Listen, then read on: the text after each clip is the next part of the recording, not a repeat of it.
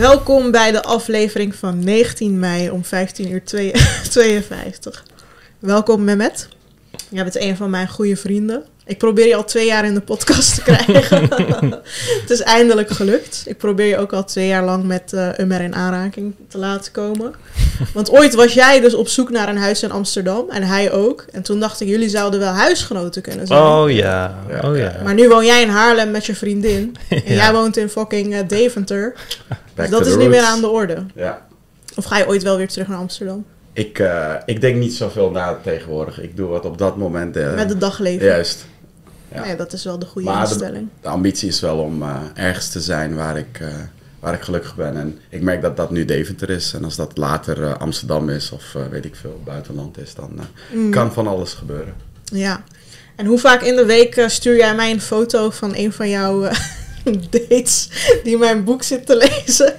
Of wacht, kan je dat vragen of niet? Nee, het, het, zijn gewoon vriendinnen en zo ook. Maar het is heel random dat ze dan... Ze weten niet dat wij vrienden dan zijn. Ja. En dan krijg ik gewoon van... Hé, hey, Mehmet, ik heb echt een, echt een leuke boek gevonden. en het zijn allemaal dames over het algemeen. Ja. En dan denk ik van... Oh, ja, dat, dit verhaal ken ik inmiddels.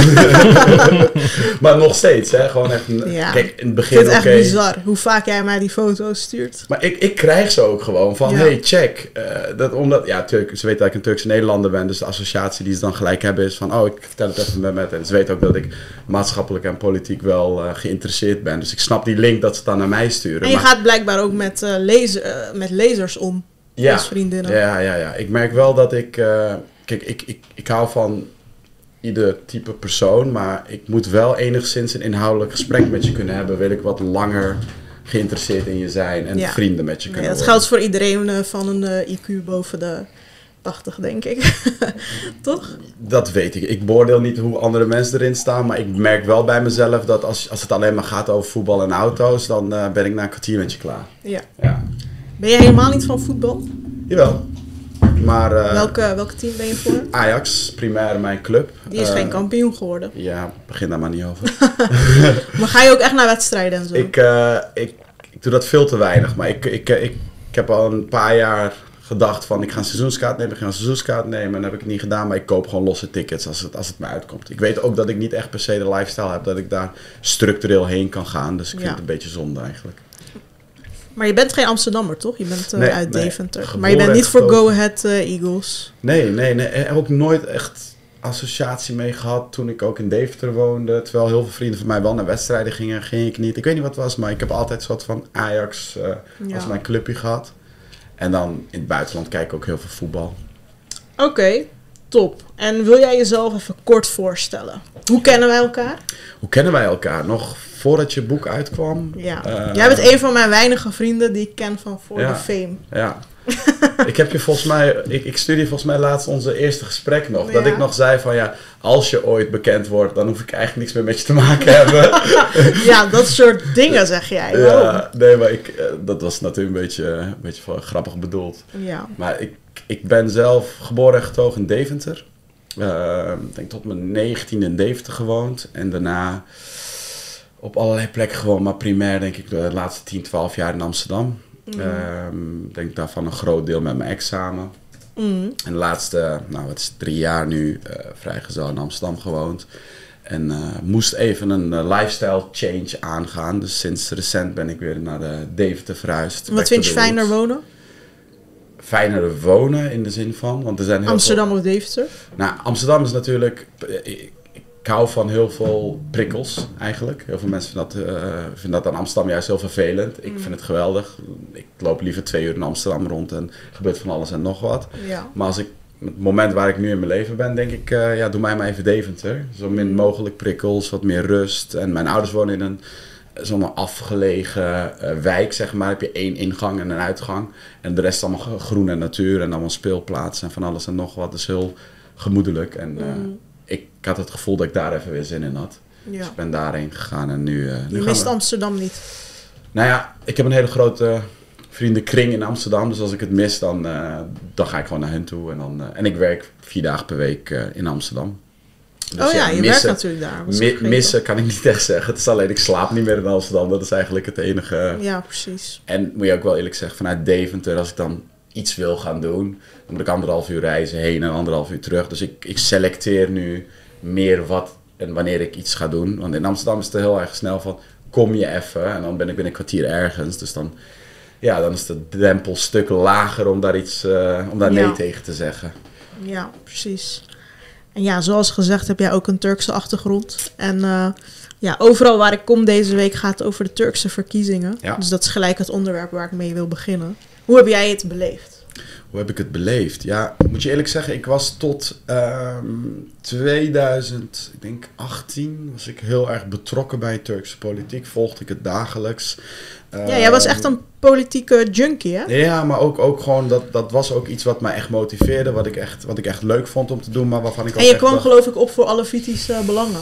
Dat was daarvoor nog, ja. Want ik was 16 toen ik besefte van... hé, hey, ik ben nou net even iets anders dan de meeste Turkse Nederlanders. Ja, dat moet je even uitleggen heb. voor onze Nederlandse luisteraars. Exact. Nou, eh, de gemiddelde Turkse Nederlander wordt ingeschat als zijnde van eh, moslim. eh, de ouders gaan naar de moskee, moeder heeft een hoofddoek op. En, en dat, dat beeld hadden ze destijds.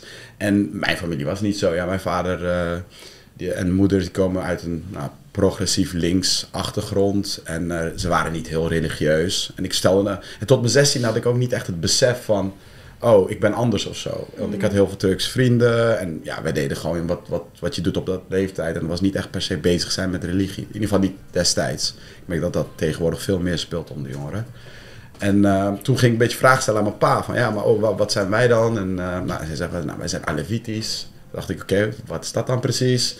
Kon me niet echt antwoord geven. Nou werd ik uh, naar mijn oude oom verwezen. Nou, hij begon een heel verhaal te vertellen dat ik echt dacht van... Ik snap niet echt waar je het over hebt. En ik was heb je nu wel het antwoord? Wat ja, dan? ik heb het antwoord uh, echt moeten onderzoeken, laat ik het zo zeggen. Oh, ja. Want ik heb uh, destijds een aantal boeken gekregen. Nou, toen dacht ik, als dit het is, dan ben ik het niet.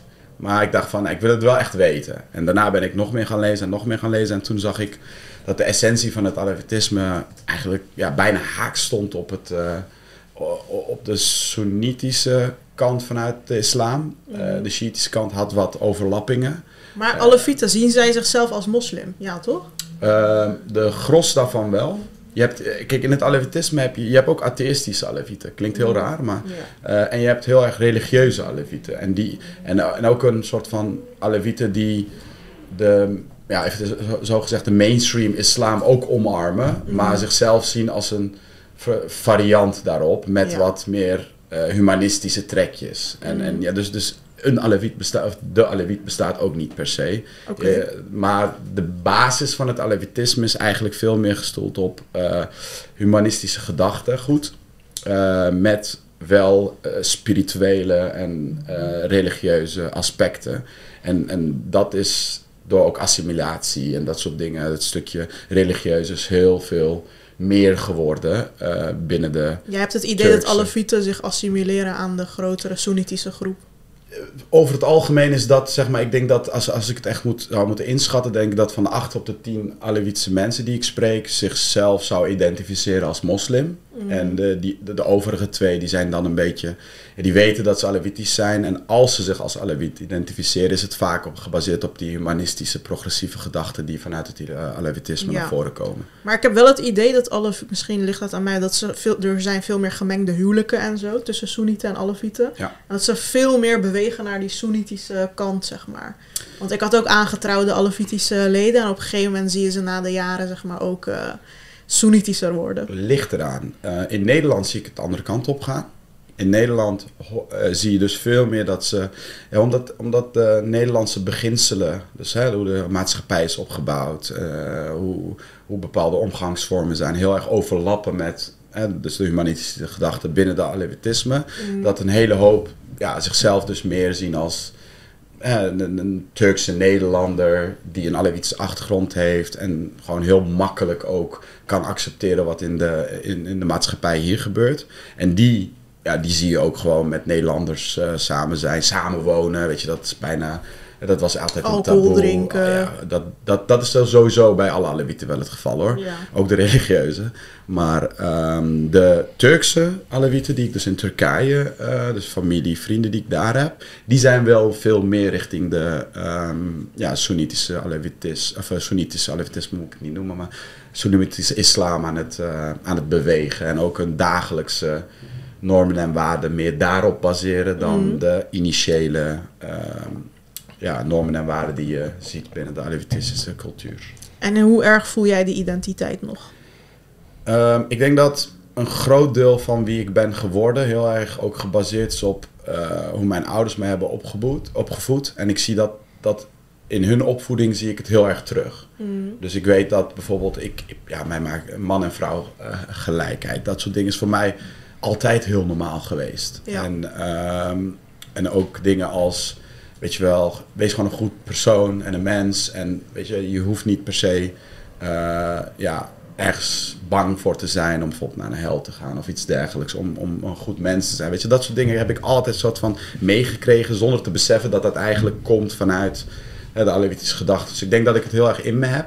Maar ik ben ook wel. Ik zeg altijd dat ik een hybride identiteit heb. Waarbij ik gewoon pak uit alle culturen die ik ervaar. Wat ik mooi vind. En voeg dat toe aan mijn dagelijkse realiteit. Als het mogelijk is.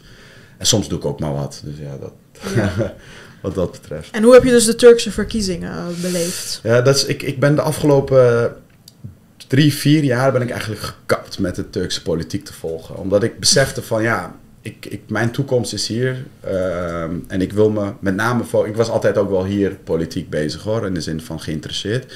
Maar het kostte me gewoon heel erg veel moeite om, om de Turkse politiek überhaupt te volgen. En de maatschappelijke ontwikkelingen. En dat ik het heb losgelaten. Want in 2016 heb ik onder andere hier ook bijgedragen aan de protesten rondom Gezi. Echt in eh, het organiseren en dat, dat soort zaken. En wat houdt dat in? Gezi? Ehm, dat was een opstand destijds. eh, heel simpel ontstaan eigenlijk. Omdat er is een parkje in Istanbul Mhm. op Taksimplein. Dat heet de Gezi Park. En nou, dat was het enige stukje groen eigenlijk nog in het, daar te vinden. En dat wilden ze voor commerciële redenen eigenlijk omkappen. Nou, toen hebben een aantal groene activisten hebben zich zo tegen, tegen verzet. En vanuit daar is er... Ja, er was altijd al een soort van... In, Ontevredenheid? ontevredenheid over allerlei zaken in Turkije. En dat werd soort van, ja, heel raar, maar dat ontplofte in één keer. Mm. En in één keer ging heel, laat ik zo zeggen. Ineens ging het meer over dan alleen dat, Het- park. zeg Iedereen, maar. iedereen, het, het werd een symbool, maar niemand had meer over bomen, laat ik het zo zeggen. Ja. En, en er werden uh, Het ging over vrouwenrechten en over... alles, alles. En toppunt waren er echt miljoenen mensen aan het protesteren over gewoon het algemeen beleid in Turkije en, en, en het regime. En Wat heb jij toen in Nederland dan gedaan daarvoor? Nou, ik besefte me dat, dat ook de Turkse Nederlandse jongeren hier ehm, ja, best wel met elkaar soort van bijna op de vuist gingen. Tot aan echt daadwerkelijk ook dat er gevechten ontstonden over dit soort onderwerpen. En ik wilde eigenlijk faciliteren dat dat op een andere manier zou kunnen. Maar merkte dat daar gewoon geen ruimte voor was. En ik merkte ook dat de Turks-Nederlandse jongeren hier heel erg vanuit het Erdogan en Gulen perspectief werden. eh, hè, dus ben je voor Erdogan of ben je voor Gulen? Weet je wel, op een gegeven moment toen ook met, die, met de coup en zo. En daarvoor, tijdens Gezi was het weer heel erg van ben je tegen Erdogan? Maar wat was het andere perspectief dan? Was nog niet helemaal helder. En ik dacht van ja, als, als ik op zijn minst dat in de media, maar ook tussen de Turks-Nederlandse jongeren en maatschappij hier een beetje kan aanwakkeren om het gesprek. eh, jij wilde eigenlijk een soort eh, gezonde debatcultuur eh, Ja, creëren. ik hou van praten en ik hou Ja. van mensen challengen en eh, ook op hun gedachtes. En ik wilde dat dat wederzijds was. Alleen dat Ja. je merkte dat het gewoon veel meer agressiviteit was dan. eh Ja, en dat is eigenlijk nu nog steeds zo, nog toch? steeds- is alleen maar erger geworden, vol gevoel. Ja. Maar ja, er zijn ook mensen die wel kunnen debatteren, toch? Of kon je die niet echt Jawel, bereiken? jawel. zo? Ik, ik, heb, ik heb ook eh, met heel veel, ook vanuit bijvoorbeeld de organisaties zoals Dianet, maar ook, ook de Gulen-organisatie, voordat, eh, voordat het een eh, terroristische organisatie werd bestempeld. Eh, maar ook eh, ja, veel progressievere organisaties heb ik altijd wel aan één tafel gezeten. Omdat ik wel de hoogopgeleide jongeren opzocht om het debat aan te gaan. En ze merkten ook wel dat ik niet judgmental was. Dus ze waren ook wel bereid dan om het gesprek aan te gaan. Dat zou wel echt iets moois kunnen worden, hoor, als ik het nu zo bedenk. We hebben pogingen gedaan in de afgelopen jaren. Stel je voor, je hebt zo'n debatcentrum waar mensen gewoon echt gewoon eh, respect voor elkaar hebben en gewoon stellingen op het scherm verschijnen of zo. En dat mensen gewoon praten, ook in het Turks. En dat dan vervolgens in Turkije bekeken wordt of zo. Dat zou echt Nou, wat ik merkte is, is dat uh, de Turks-Nederlanders hier, de hoogopgeleide jongeren, maakt niet uit vanuit welk perspectief je erin zit, wel bereid zijn om het gesprek met elkaar aan te gaan, maar dat er heel veel emotie is. Mm. En wat ik heb geprobeerd is, ik dacht van oké, beginnen we dan gelijk met alle verschillen die we hebben. Dus hè, hoe, je, hoe je bijvoorbeeld tegen de politieke situatie in Turkije aankijkt en dat soort dingen. Nee, ik dacht van waarom beginnen we niet met de dingen die we gemeenschappelijk ervaren in Nederland? En dat is mm. bijvoorbeeld, weet ik veel, discriminatie, uh, dat soort onderwerpen waarvan het niet uitmaakt of jij nou Aleviet met bent of zo niet met of whatever. Mm. Dus als je elkaar daar kan vinden. En dan ook nog eens met het perspectief van de Nederlandse maatschappij. Dan weet je van oké, we, we, kunnen iets samen doen. En dan mhm. de verschillen kunnen we dan daarnaast ook nog debatteren. Dat, was het, dat was mijn. Uh, dat was uiteindelijk. En ik heb ook bij een aantal van dat soort pogingen uh, gezeten. Dus, dus met, met een groep jongeren die vanuit allerlei verschillende perspectieven kwamen. Waarbij we zeiden van ja, we zijn heel verschillend. Maar we ervaren dezelfde uitdaging in Nederland. En we merken dat, en we merkten dat, ja, kijk, ik zeg je heel eerlijk, de eerste, tweede generatie uh, Turkse mensen die hier zijn gekomen, ook mijn opa en vader, die hebben zich niet heel erg bezig gehouden met Nederland en een positie in Nederland. En wij merkten gewoon van ja, de, de, maar de organisatie en de politiek en de beleidsmakers, die zijn wel met name in gesprek met die generatie nog steeds. Als het gaat om onderwerpen die mijn toekomst en uh, die van je kinderen van, van de vierde, vijfde, zesde generatie uiteindelijk uh, te maken. En toen dachten wij van ja, dat willen we niet meer. Wij willen het podium pakken, want ja, heel eerlijk, wij, wij kunnen dat ook. Mm. Want de, mijn, mijn generatie van mijn opa en vader, ja, die waren heel erg nog vanuit het perspectief van wij zijn Turken en we willen onze cultuur behouden. En uh, hoe kunnen wij dat zo goed mogelijk in Nederland doen. Terwijl ik denk, hé hey vriend, ik, als ik op school uh, dezelfde CITO-score haal, dan krijg ik gewoon structureel lager schooladvies. wat heb je daarmee gedaan? Hmm. En ze snapt het concept niet eens. Ze beseften, ja, ik, ik, ik generaliseer nu heel erg natuurlijk, maar um, dat soort organisaties waren daar niet mee bezig. En dan had je een soort van een jongerentak en dan zat er uh, één of twee jongeren. En als ze dan niet blij met hun houding waren, dan vervangden ze die. Toen dachten wij, ja, we moeten gewoon onafhankelijk, los van al die organisaties, maar wel met de roots binnen die organisaties. Want je hebt het erover gehad dat ik vanuit mijn Alevitse achtergrond bepaalde dingen heb gedaan. Ja, ik heb, uh, ik heb meegewerkt aan de oprichting van Alevitse Jongeren Nederland destijds, toen was ik 18. Maar vanuit het perspectief van, uh, dat zijn Alevitse jongeren in Nederland. Bestaat dat nog? Dat bestaat nog. Uh, en dat is eigenlijk een soort van een federatie waarbij uh, allerlei Alevitse organisaties en daar de jongeren van bij betrokken zijn. Maar wat ik probeerde te creëren is dat zij eigenlijk een soort van de ja, spreekbuis zouden worden voor de derde, vierde, vijfde generatie.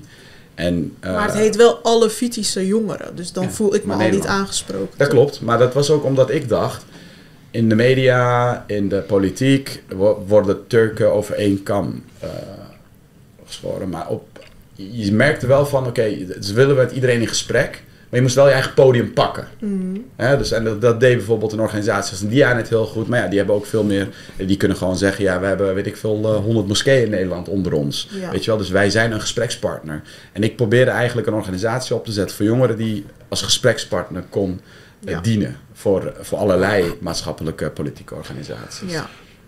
En, ja, dat, en hoe is je dat bevallen? Ik heb het heel erg leuk gevonden omdat ik heel veel mensen ontmoette in de destijds die hetzelfde situatie eigenlijk uh, zaten. Dus die zoiets hadden van ja, uh, dat je Turkije maakt mij niet zo heel veel uit eigenlijk. Het is het land van mijn ouders. Uh, maar ik merk wel dat ik ben wel een Turkse Nederlander. Ik, ben, ik heb natuurlijk wel de cultuur in me. Mm. en, maar ik ben Alawitisch. Dus en, en, niemand begrijpt wat... Jij, jij, jij, zei net, de meeste Nederlanders zullen niet weten. Leg het even uit. Ja. Dat is nog steeds de realiteit. Ja, zeker. En ik wilde eigenlijk zoveel mogelijk in de media, whatever... gewoon zoveel mogelijk laten horen van... hey, ongeveer, en dan zeg ik het een beetje zo... één op de vijf Turkse Nederlanders zijn Alawit. Mm. En dat betekent dus als jij vijf Turken kent, is het hoogstwaarschijnlijk dat eentje daarvan Alevitisch is. Mm. Terwijl de beeldvorming over Alevieten eigenlijk bijna niet bestaat. Mm. En dat wilde ik veranderen. Ik wilde gewoon wat meer zichtbaarheid uh, bieden voor de Alevitische jongeren. En dan niet per se van wij zijn geweldig en kijk wij zijn anders dan de andere Turken. Van, wij, wij, bestaan ook. Ja, en we hebben misschien een andere mening dan de ja, we hebben Turken andere die alleen maar op tv komen. Die ja. pro-Erdogan. Ik krijg nog steeds de vraag, doe je mee met Ramadan? Ieder jaar. Van ook mensen die mij al jaren kennen. Dus je wou meer awareness? Awareness, dat was mijn primaire uh, idee erachter. Oké. Ja, ik ben toevallig een tijdje geleden door de minister van Onderwijs uitgenodigd in Den Haag. Door Dennis Wiersma. Want hij wilde dus ehm, Turkse weekendscholen, wilde hij een soort van hervormen. Of hij wilde dat soort van, ja, dat het zeg maar niet, eh, dat je daar geen extreme dingen leert die antidemocratisch en antirechtsstatelijk. Ja, precies, waar moet je beginnen, weet je wel. Maar goed, ik was daar uitgenodigd, maar wat ik dus niet wist, was dat hij ook allemaal andere mensen had uitgenodigd. En op een gegeven moment zat ik daar met alleen maar bebaarde oude mannen. Ja. Die eh, inderdaad Mili Gurish, Dianet en, eh, en niemand van mijn leeftijd. Ik was op, ja, minimaal de helft van hun leeftijd, zeg maar. En dat zijn nog steeds de gesprekspartners van dat soort Ja. hoge pieven als ministers en zo. Het is gewoon niks veranderd eigenlijk. Nou, wij hebben destijds wel voor elkaar gekregen. Ik ben bijvoorbeeld een paar keer eh, met Rutte in gesprek geraakt. Eh, ook uitgenodigd in het torentje. Dat was destijds de eerste keer met de koep. Daarna had hij iets van pleurt opgezegd tegen de jongeren in Zaandam. En hij merkte wel van, het schiet niet, eh, tenminste dat is mijn interpretatie. Eh, het schiet niet echt op met de wat oudere mensen vanuit de organisaties. Laat ik proberen om een groepje jongeren bij elkaar te krijgen die wel uit diversiteit bestonden. En toevallig waren wij destijds ook bezig om een beetje een soort van een denktank op te richten. Waarbij dus allerlei eh, jongeren in zaten die, wat je eigenlijk zegt, hè, die, die wel op inhoud kunnen deb- debatteren zonder, de, zonder echt de emotionele... Dat zijn er heel weinig, geloof ik hoor. Ik zie ze nooit. Ik, eh, ik, ken er, ik ken er in Nederland een hele hoop, maar eh, dat is echt Waarom zijn ze niet zo zichtbaar? Ja, omdat... omdat Bijvoorbeeld deze week was geen er weer... sensatie, denk ik. Want wij, wij voeren een debat dan op inhoud. En daar is niks sexy aan, daar is niks eh, nieuwswaardigs aan, weet je wel. Nee, maar goed. Waarom schrijven ze geen boeken, geen columns? Schrijven ze. Nee, ik, kan, ik, kan je, ik, ik ga niet per se de namen noemen, ik weet niet of ze dat waarderen. Maar eh, dat zijn allemaal mensen die in de media zijn of waren. Dus dat waren wel allemaal mensen met een publiek. En in mijn geval, ik was niet per se in de media, maar ik, maar ik had heel erg mijn roots in de linkse en de Alevitische organisaties. Dus ik sprak voor heel veel jongeren. Ik had een heel groot netwerk. Dus ik haalde de input die ik eh, faciliteerde eh, aan destijds beleidsmakers. En eh, ik ben ook bijvoorbeeld met heel veel politieke eh, partijen destijds in gesprek geweest. Maar we merkten gewoon van, ja, dan word je een soort van een lobbyist. En dan moet je dat op onderwerp gaan doen. Hè? Dus dan is er iets op de agenda en dan moet je dat gaan. Maar ja, dat, dat, dan, moet, dan word je echt een politieke organisatie. Toen dachten we, zullen we dat in de vorm van een denktank doen? En we merkten ook wel dat bijvoorbeeld beleidsmakers, politici daar heel erg in geïnteresseerd waren. Ze, ze nodigen ons overal vooruit, tot aan Rutte toe. Dat hij op een gegeven moment dacht van, oh ja, maar ik waardeer jullie input. Ja. En hij kreeg ook gewoon echt letterlijk input vanuit alle perspectieven. Maar dan vanuit meer de derde, vierde generatie. Ja. En, Ik ja. denk dat dat heel welkom is hoor, nu in de Ja. media. Want eh, het zijn steeds dezelfde gezichten die daar aanschuiven. Maar dit, dat zijn ook geen jongeren. Fidan Ikis is ook 45. Nee, nee, dat, Eh, ik heb het echt over nog... ook. eh, nee, ik heb het nog echt generatie daarvoor. Dus nog even eh, generatie verder eigenlijk. ja, dus, dus echt de jongeren die nu max 35 zijn. Ja. En destijds ook tussen de, we waren denk ik tussen de 20 en, en 30-ish destijds. Iedereen Ik zag wel bij Buitenhof, misschien kan je dat opzoeken, Umer, die Suzanne, Suzanne Yücel. Ehm, en dat was het enige jonge meisje wat ik tegenwoordig eh, van Turkse achtergrond, zeg maar, wat ik sinds kort heb gezien. Eh, Is dat... eh, of in lange tijd heb gezien, bedoel ik. En dat, ik weet niet of je dat filmpje hebt gezien. Maar ik zij weet het kwam dus bij Buitenhof eh, praten over de Turkse verkiezingen. En dat vond ik eigenlijk wel... eh, Nee, ik heb het niet gezien en ik ken haar ook niet eerlijk gezegd. Ja, zij is zeg maar nieuw nu in de media. Ah, oké. Dat we genoeg gezien hebben. Ja. Ik wilde je ook vragen eigenlijk van... Ik zie aan haar moeder dat ze wel echt teleurgesteld is. Mm. Maar ze houdt wel de dochter bij zich. Ja. Had jij dat ook liever als reactie gehad? Ja, zeker weten. ik vind dat die moeder dat... Ja, ik ben eigenlijk wel... ehm, hoe noem je dat? Trots op die moeder bijna. Dat Ja. ze zo- zo'n goede moeder is. En ondanks alles eh, toch zegt van... Ja, liefde gaat voor mij voor. Kijk, tuurlijk, het is ook kut om tegen je dochter te zeggen... Je bent een teleurstelling. Want daar, dat zei zij ook van... Ja, dat vind ik ook zwaar om te horen. Maar ik denk dan van... Ja, maar ze verstoot je niet. En je mag er gewoon wel zijn. Dus dat is wel echt iets ehm, totaal anders dan hoe mijn familie dat ziet, bijvoorbeeld. En bijvoorbeeld ook Umer's familie. Denk jij dat, stel even, dat jouw vader en moeder los van de maatschappij zouden staan waar ze nu, of eh, van de gemeenschap zouden staan waar ze nu in bevinden, dat ze dan dezelfde reactie hadden gegeven? Dat ze dan eh, alsnog hadden verstoten of hadden ze dan wel bij je gehaald? Mm, ik denk alsnog verstoten, omdat bij mijn ouders gaat het echt niet om de gemeenschap. Ze zijn wel echt oprecht gelovig. Gaat echt Dus- om de... Ja. Ja, ik bedoel, mijn moeder bidt niet vijf keer per dag plus in de nacht om dat te laten zien aan anderen, maar zij is gewoon oprecht gelovig. Dus ik denk dat als, eh, als ze bijvoorbeeld nu van mijn broertje of van mijn zusje ook zou horen van wij geloven niet meer, dat ze ja, oprecht gewoon eh, denkt van ik ben zo gefaald. Of ja, dit, dit zijn niet mijn kinderen, dit is, dit is Ja. niet hoe ik ze heb opgevoed, zeg maar. Ergens heb ik daar meer respect voor dan op het moment dat het gemeenschapsdruk was geweest. Ja, Niet zeggen Dat dat het de juiste uitkomst is, maar Ja. ik heb wel meer respect voor dat je dan op basis van je eigen eh, essentie en beginselen doet. Ja, precies. Er zijn ook heel veel Turken, maar daar zijn mijn ouders een beetje een uitzondering op, die het eh, echt puur voor de gemeenschap doen, Ja. inderdaad. Die, ik heb ook eh, vrienden die dan uit de kast komen bij hun familie. En dan is hun eerste reactie van, ja, maar hoe gaan we dit uitleggen aan de gemeenschap? Dus dat geeft al voor mij aan, je vindt het zelf niet eens erg, weet je wel. Het is puur dat je je schaamt voor de gemeenschap. Kijk, dat zouden mijn ouders nooit als eerste zeggen. Het is meer van, hoe gaan we dit aan Allah uitleggen? Of hoe gaan we dit, eh, weet je wel, op de dag des oordeels Het is uitleggen? heel grappig, mijn moeder, eh, het is een hele lieve vrouw, maar de eerste reactie toen ze gaf dat, dat ik zei dat ik ging scheiden was, eh, wat moeten we tegen de mensen zeggen? Ja, precies. Dus ik zeg, hoe bedoel je, wat moeten we tegen de mensen zeggen? Ze zegt, ja, en eh, de familie en zo. Dat ik dacht, ja, gewoon, Mehmet gaat scheiden. Zo moeilijk is Ja. dat niet.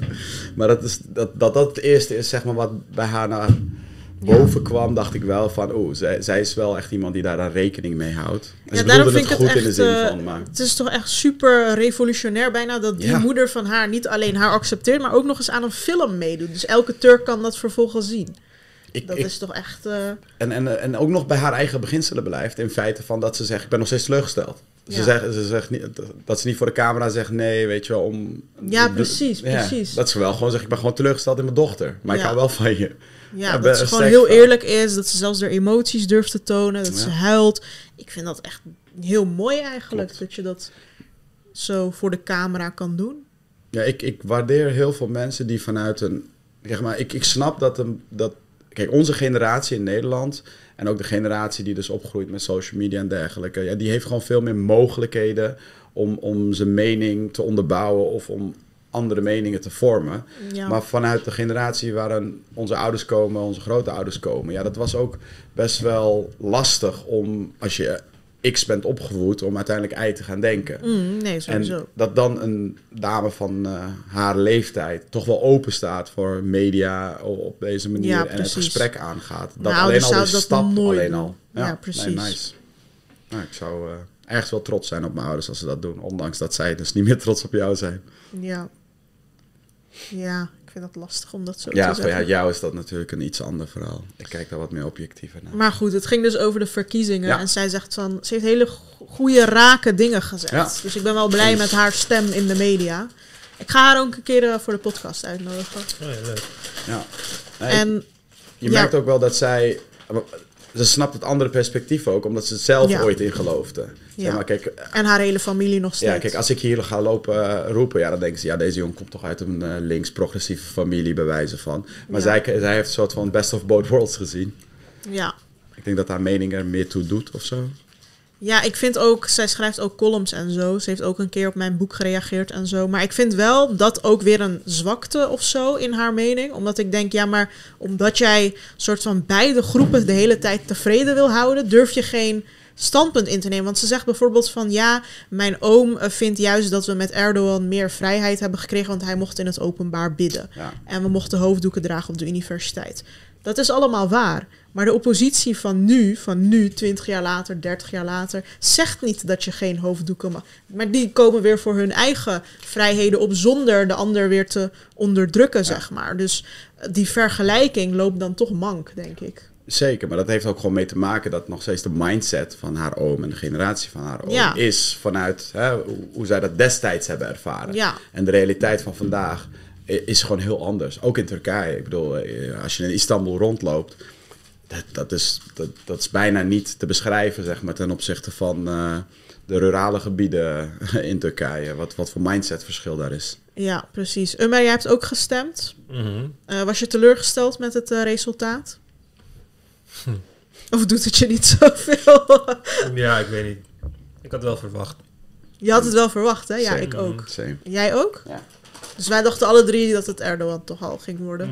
Dat is nog niet zeker, maar... Dus je had, omdat je aan verwachtingen management hebt gedaan, was de teleurstelling ook niet zo. Weet je wat er, weet je wat er is? Op het internet, wanneer je in die seculiere kringen bent, dan word je zo langzaam die, in die bias getrokken van nee, Kılıçdaroğlu gaat Ja. winnen. Ja. Sowieso. Kijk deze. Wij hadden ook Nee, iemand man. in de groep die zei: nee, nee, nee, het gaat, hij gaat gewoon winnen. Ja, ja, precies. En ze dulden ook geen tegenspraak. Zeg Ja, maar. precies. Ja, en heel veel van die mensen, jongen, ik heb zoveel mensen op Instagram van die Turkse influencers. Sommige mensen kwamen met exacte percentage. Ja. Zeiden ze van, ja, ik heb het berekend, wiskunde liegt niet, we gaan winnen met 54 En Hoe dan kan je het berekenen dan? is niet, is, is niet mogelijk.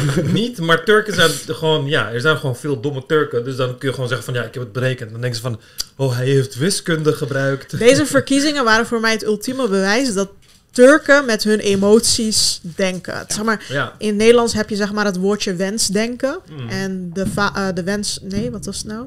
De vader van de wens... Nee, de wens is de vader, van, de, gedachte. Ja, dus zeg maar als je iets gewoon heel hard wenst... dan manifesteer je het of zo. Dan Mm. eh, gebeurt het ook in I jouw wish. hoofd. Ja, precies. Maar echt gewoon de, de, de... Hoe noem je dat? De verbazing van de moderne Turken om mij heen... dat verbaasde me gewoon. Ik dacht echt van, waarom ben je. Ik bedoel, ik had het al die tijd al verwacht. Maar die leven dan zo in hun bubbel en wensen iets zo hard dat, het dan, dat ze dan heel ar- hard op de grond vallen, zeg maar. ja. En dat zag je ook op Twitter. Sommige mensen zeiden in de groep zo melodramatisch zijn eh, sommige mensen. Ja, ja, ja. Er waren ook zeg maar van die twitteraars en zo die zeggen ja, vanaf nu ga ik stoppen, Ja. want het maakt me allemaal niet uit en eh, ja. dat soort dingen. Turkije wordt gewoon een, sharia-staat. Ja, precies. Turkije wordt gewoon tweede Afghanistan. Maar dat is ook een beetje dat democratische, weet je wel. Op het moment dat je iets niet wint, dan is het ineens allemaal slecht vanaf Mhm. nu. Dat, ja, dat, dat, dat is Nou, gewoon het kan, niet het kan dat het allemaal slecht wordt, hè? dat weten we niet. Maar Ja, de ik, ik kans zie is niet in hoe het nog slechter kan, Nou, het kan altijd slechter maar dat, dat klopt. Ik denk dus ook echt dat Turkije nooit een volledig islamitische staat gaat kunnen zijn. Dat kan Kan niet. Nee, Want let, dan moet je de helft van je bevolking vermoorden, want die gaat Ja. het niet accepteren. Ja. Zeg maar, kijk, dit soort dingen, pesterijtjes en zo, oh, na tien uur geen alcohol, prima. Weet je, dat hebben, we, dat hebben we door de jaren heen, heen en weer gedaan. Extreem links tegen extreem rechts tegen de islam, islamieten. Die drie groepen hebben elkaar de hele tijd lopen pesten. Maar eh, wat al die mensen die dan gaan doemdenken en denken van ja, en eh, binnenkort is het islamitische staat en zijn we Afghanistan, dat gaat nooit gebeuren. Nee, ik, ik denk niet dat er een islamitische staat Het komt, wordt maar... gewoon een islamitischer Juist. Turkije, weet ja, je. je kan wel bijvoorbeeld bepaalde onderwijs eh, heel aantrekkelijk maken. Bijvoorbeeld gelo- eh, religieus onderwijs tuurlijk. met die imam Hatipler.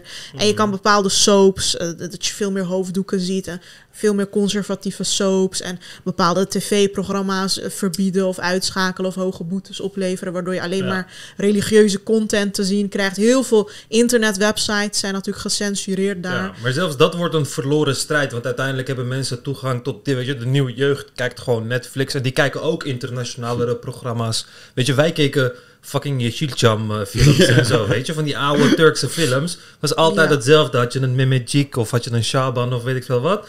En dan was het altijd hetzelfde verhaal. En daarmee zijn we opgegroeid. En de overheid bepaalde dat ook deels, zeg maar. Je had wel veel vrijere regels. Maar er waren ook dingen die niet mochten. Maar eh, tegenwoordig, ook al ga je dat als overheid willen proberen te controlen, het gaat alleen lukken bij mensen op het platteland en dat soort dingen. Want de, de, de jeugd van tegenwoordig, als je alleen TikTok installeert, heb je al toegang tot een, eh, een, eh, een grotere informatiebron dan wat de overheid jou voorschotelt, zeg maar. Ja, dat is waar. Het is lastiger om nu mensen te controleren op gedachten. Ja, Ja. Ja. en die nieuwe generatie, die, die, die spreken gewoon veel beter Engels. Die denken veel internationaler na, weet je. Die kijken ook gewoon, eh, die consumeren ook meer internationale media en dat soort dingen. Terwijl in mijn tijd, toen ik eh, nog een jongetje was en naar Turkije ging, was het heel anders.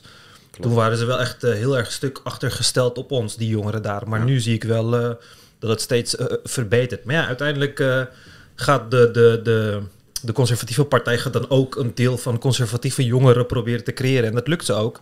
En dan gaat deze strijd, deze tweestrijd tussen die twee groepen, gaat zich waarschijnlijk veel langer voortzetten. Maar ik denk niet dat we eh, conservatiever kunnen worden dan.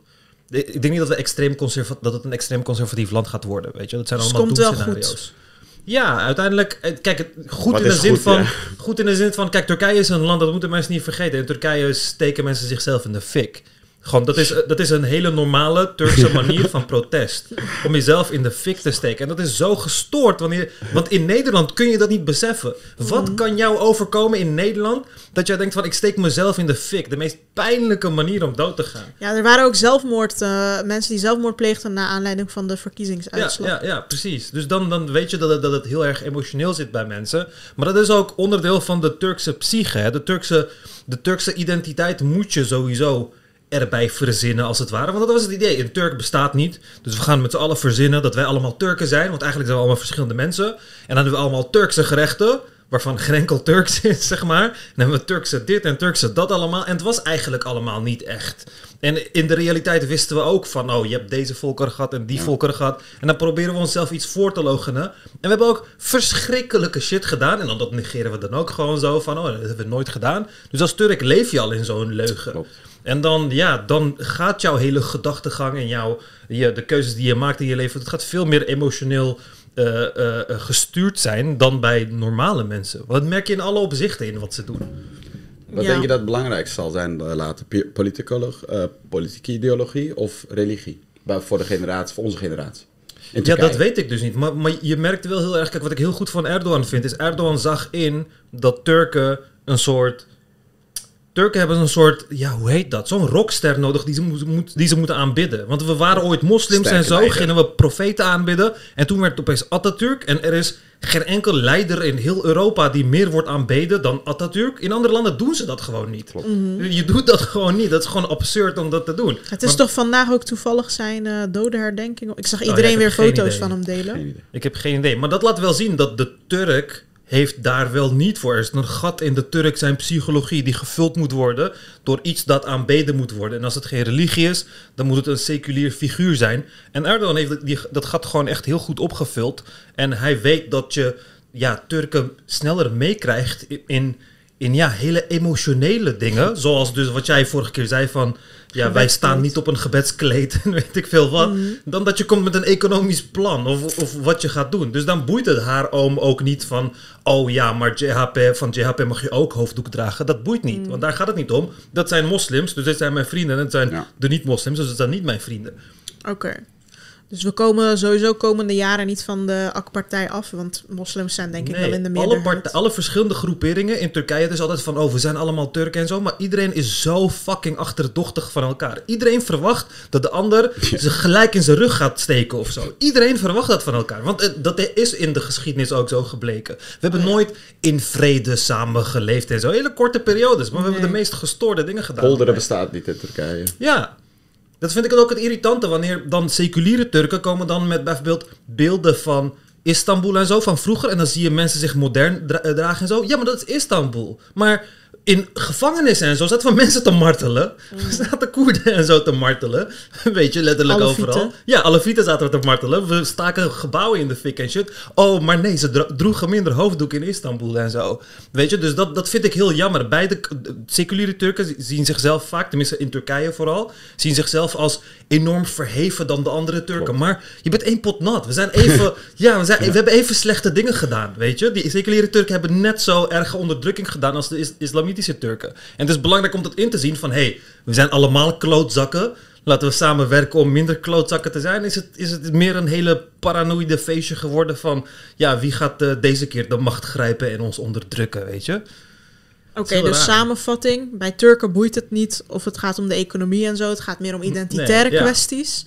En omdat de beide groepen elkaar wantrouwen, gaan ze, hoe, wat, da- wat er ook gebeurt met de economie, ze gaan op hun religieuze leider blijven stemmen eigenlijk. Omdat ze die seculiere leider eigenlijk totaal niet vertrouwen. Ja, en het is ook een eerkwestie. Hè? Een Turk Ja. gaat nooit... eh, een Turk zou nooit zeggen van ja, vroeger AKP en nu stem ik JHP of zo. Tenminste, zo'n traditionele Turk zou dat niet doen. Want Nee. welke Turk geeft toe aan zijn fout? Dan- Hebben we ooit een Turk ontmoet die toegeeft aan zijn fout, weet je? Ja, en eh, bij, bij andere Turken heb je dan soort van geen ruggengraat. Want dan switch je steeds en zo. En je moet rechtlijnig blijven. Ja, er zijn ook heel veel eh, Turken die economisch beslissingen nemen. Dus op het moment dat zij eh, eh, ergens... Stel dat de geme- ik zie dat ook heel veel terug. Stel, gemeente wordt ineens CHP. Eh, wat krijg je dan? Dan gaan ze ineens heel erg vrienden worden met iedereen in de politiek die in de CHP zit. Dezelfde gast die een paar jaar daarvoor alle vriendjes was met de AK-party. Eh, ehm, ja, Ja, je hebt natuurlijk ook... aanhang. En ineens switchen ze. Maar dat zijn van die economische switchers, weet je wel. Die denken, Ja. waar kan ik het meeste geld, maar dat is projecten niet de binnenhalen. meerderheid. Dat is niet Nee, dat eh, zijn, dat zijn de... iets Anadolu, zeg maar. En ik geloof ook niet dat zij dan ook echt daadwerkelijk zelf een mening hebben. Die, die vinden het allemaal prima, zolang ze maar eh, het bankrekening kunnen vullen. En Dat, dat is zeg maar ook een grote groep, ervaar ik in ieder geval. En daarnaast inderdaad wat uh, maar ook zegt, weet je, dat ze gewoon heel zwart-wit denken. Als jij eh, zo bent, dan is iedereen is gewoon slecht. En er is, ook geen, er is ook nul mogelijkheid om het gesprek met die mensen aan te gaan. Ja, want geen nuance. ze gaan, toch, ze gaan het toch nooit accepteren. Ze gaan toch nooit zo. Dus we kunnen ze beter verbannen. En net doen alsof ze niet bestaan. En uh, hopelijk pakken wij de macht. En dan kunnen wij uh, precies Turkije zo maken zoals ik het wil. En zoals wij dat willen. Ja, dat, dat, is, dat is niet de realiteit. Andersom ook niet gelukkig. Want daardoor, precies wat Umar zegt, daardoor zal het nooit een fascistisch, islamitisch land volledig kunnen worden. Want ja, dan staat de helft van je bevolking, uh, moet je of eruit werken of vermoorden. Ja, dat gaat gewoon nooit gebeuren. Ja. Ze hebben zeggen... Turken vaker gedaan in de geschiedenis. Ja. ja ze zeggen ja. steeds van uh, de multiculturele samenleving heeft gefaald in Nederland. Maar in Turkije heeft die pas gefaald. ja. Hij is nooit geweest. Dat is een mooi voorbeeld van hoe je hem echt kan laten falen, zeg maar. Maar de grap is, als je kijkt naar de Ottomaanse Rijk zij hadden dat toch best redelijk uh, onder ja, controle. En er zat ook nog veel meer... Uh... Het probleem van het Ottomaanse Rijk is... Kijk, nu heb je een soort van informatie van overal. We kunnen zeggen van... Oké, okay, we krijgen meer informatie vanuit de stad... maar in dorpen is het zo en bla bla bla. Maar in de Ottomaanse Rijk... het enige wat, op, wat echt uh, in documenten is overgebleven... dat waren altijd de grote steden en zo. En dan vraag ik me af... hoe het ja. leven is geweest voor de mensen op het platteland en zo, weet je? Of ze überhaupt beseften. Ja, precies. Ja. Want dan was het in, in, in die periode was het ook... binnen de stadsmuren was het leven meestal wel chill. Maar ja, als je dan uh, in een of andere nederzetting zit... ergens of een klein dorpje of whatever... ja, ik weet niet of het uh, veel beter zou zijn geweest. Het is, was ook, als je een beetje kijkt, zeg maar, geopolitiek gezien destijds. Ze hebben natuurlijk heel veel types uh, bevolkingen bij elkaar gehouden. Ja. Dan heb je toch wel ergens enigszins een bepaald beleid nodig, waarbij Ja. iedereen een beetje happy is. Ja. En dat het niet, dat het dat ook een hele lange periode, dat er weinig eigenlijk opstanden waren.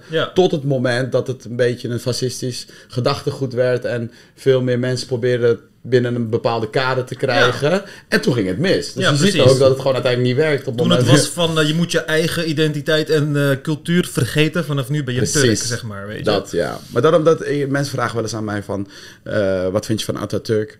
Ja, ik, ik, ik waardeer eh, de progressieve veranderingen die hij in Turkije heeft eh, bewerkstelligd. En dat is best wel moeilijk, zeker vanuit waar dat vandaan kwam op dat moment. Ja. Maar ja, hij heeft ook gewoon wel, je moet de Turk zijn. En je Ja. moet eh Turks Koerden spreken. En je mag, geen, eh, je mag dit petje niet meer dragen. En, eh, dus er zaten ook wel elementen in dat ik denk van ja, misschien was dat noodzakelijk. Ik bedoel, ik kan niet, ik kan niet naar 100 jaar terug en denken van oké, welke stappen moet ik nemen om dit, eh, om, een, om, om enigszins iets van progressie in Turkije te krijgen. Dus misschien heeft hij het gedaan omdat hij dacht, ja, kan niet anders.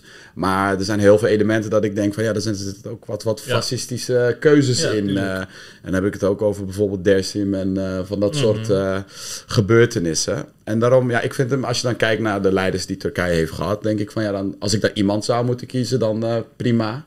Maar het is niet het, is, het is niet het idealiseren waard wat, wat nu Nee. van... Hij wordt als een god gezien bij de seculiere Turken. Ja. En dat vind ik dan een beetje overdreven. Ik waardeer het wel, maar dat is het dan ook wel.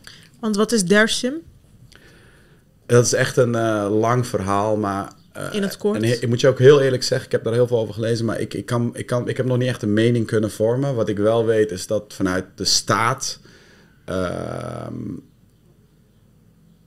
eigenlijk, ehm, ja, dit, kan ik het genocide noemen? Nee, het is niet echt genocide. Ja. ja. Ja. Er was gewoon een vrijheidsstrijd van eh, een soort van Koerden, als het ware. Ja, En eh, dat werd... eh, Ja. dat, dat veranderde in een genocide. ja, ja. En, van, van de Turkse Van kant. Koerden, Ja. Ja, ja. En daarna van de Koerdische Alevieten, met name. Dat was me- met name de, de, de groep die dat...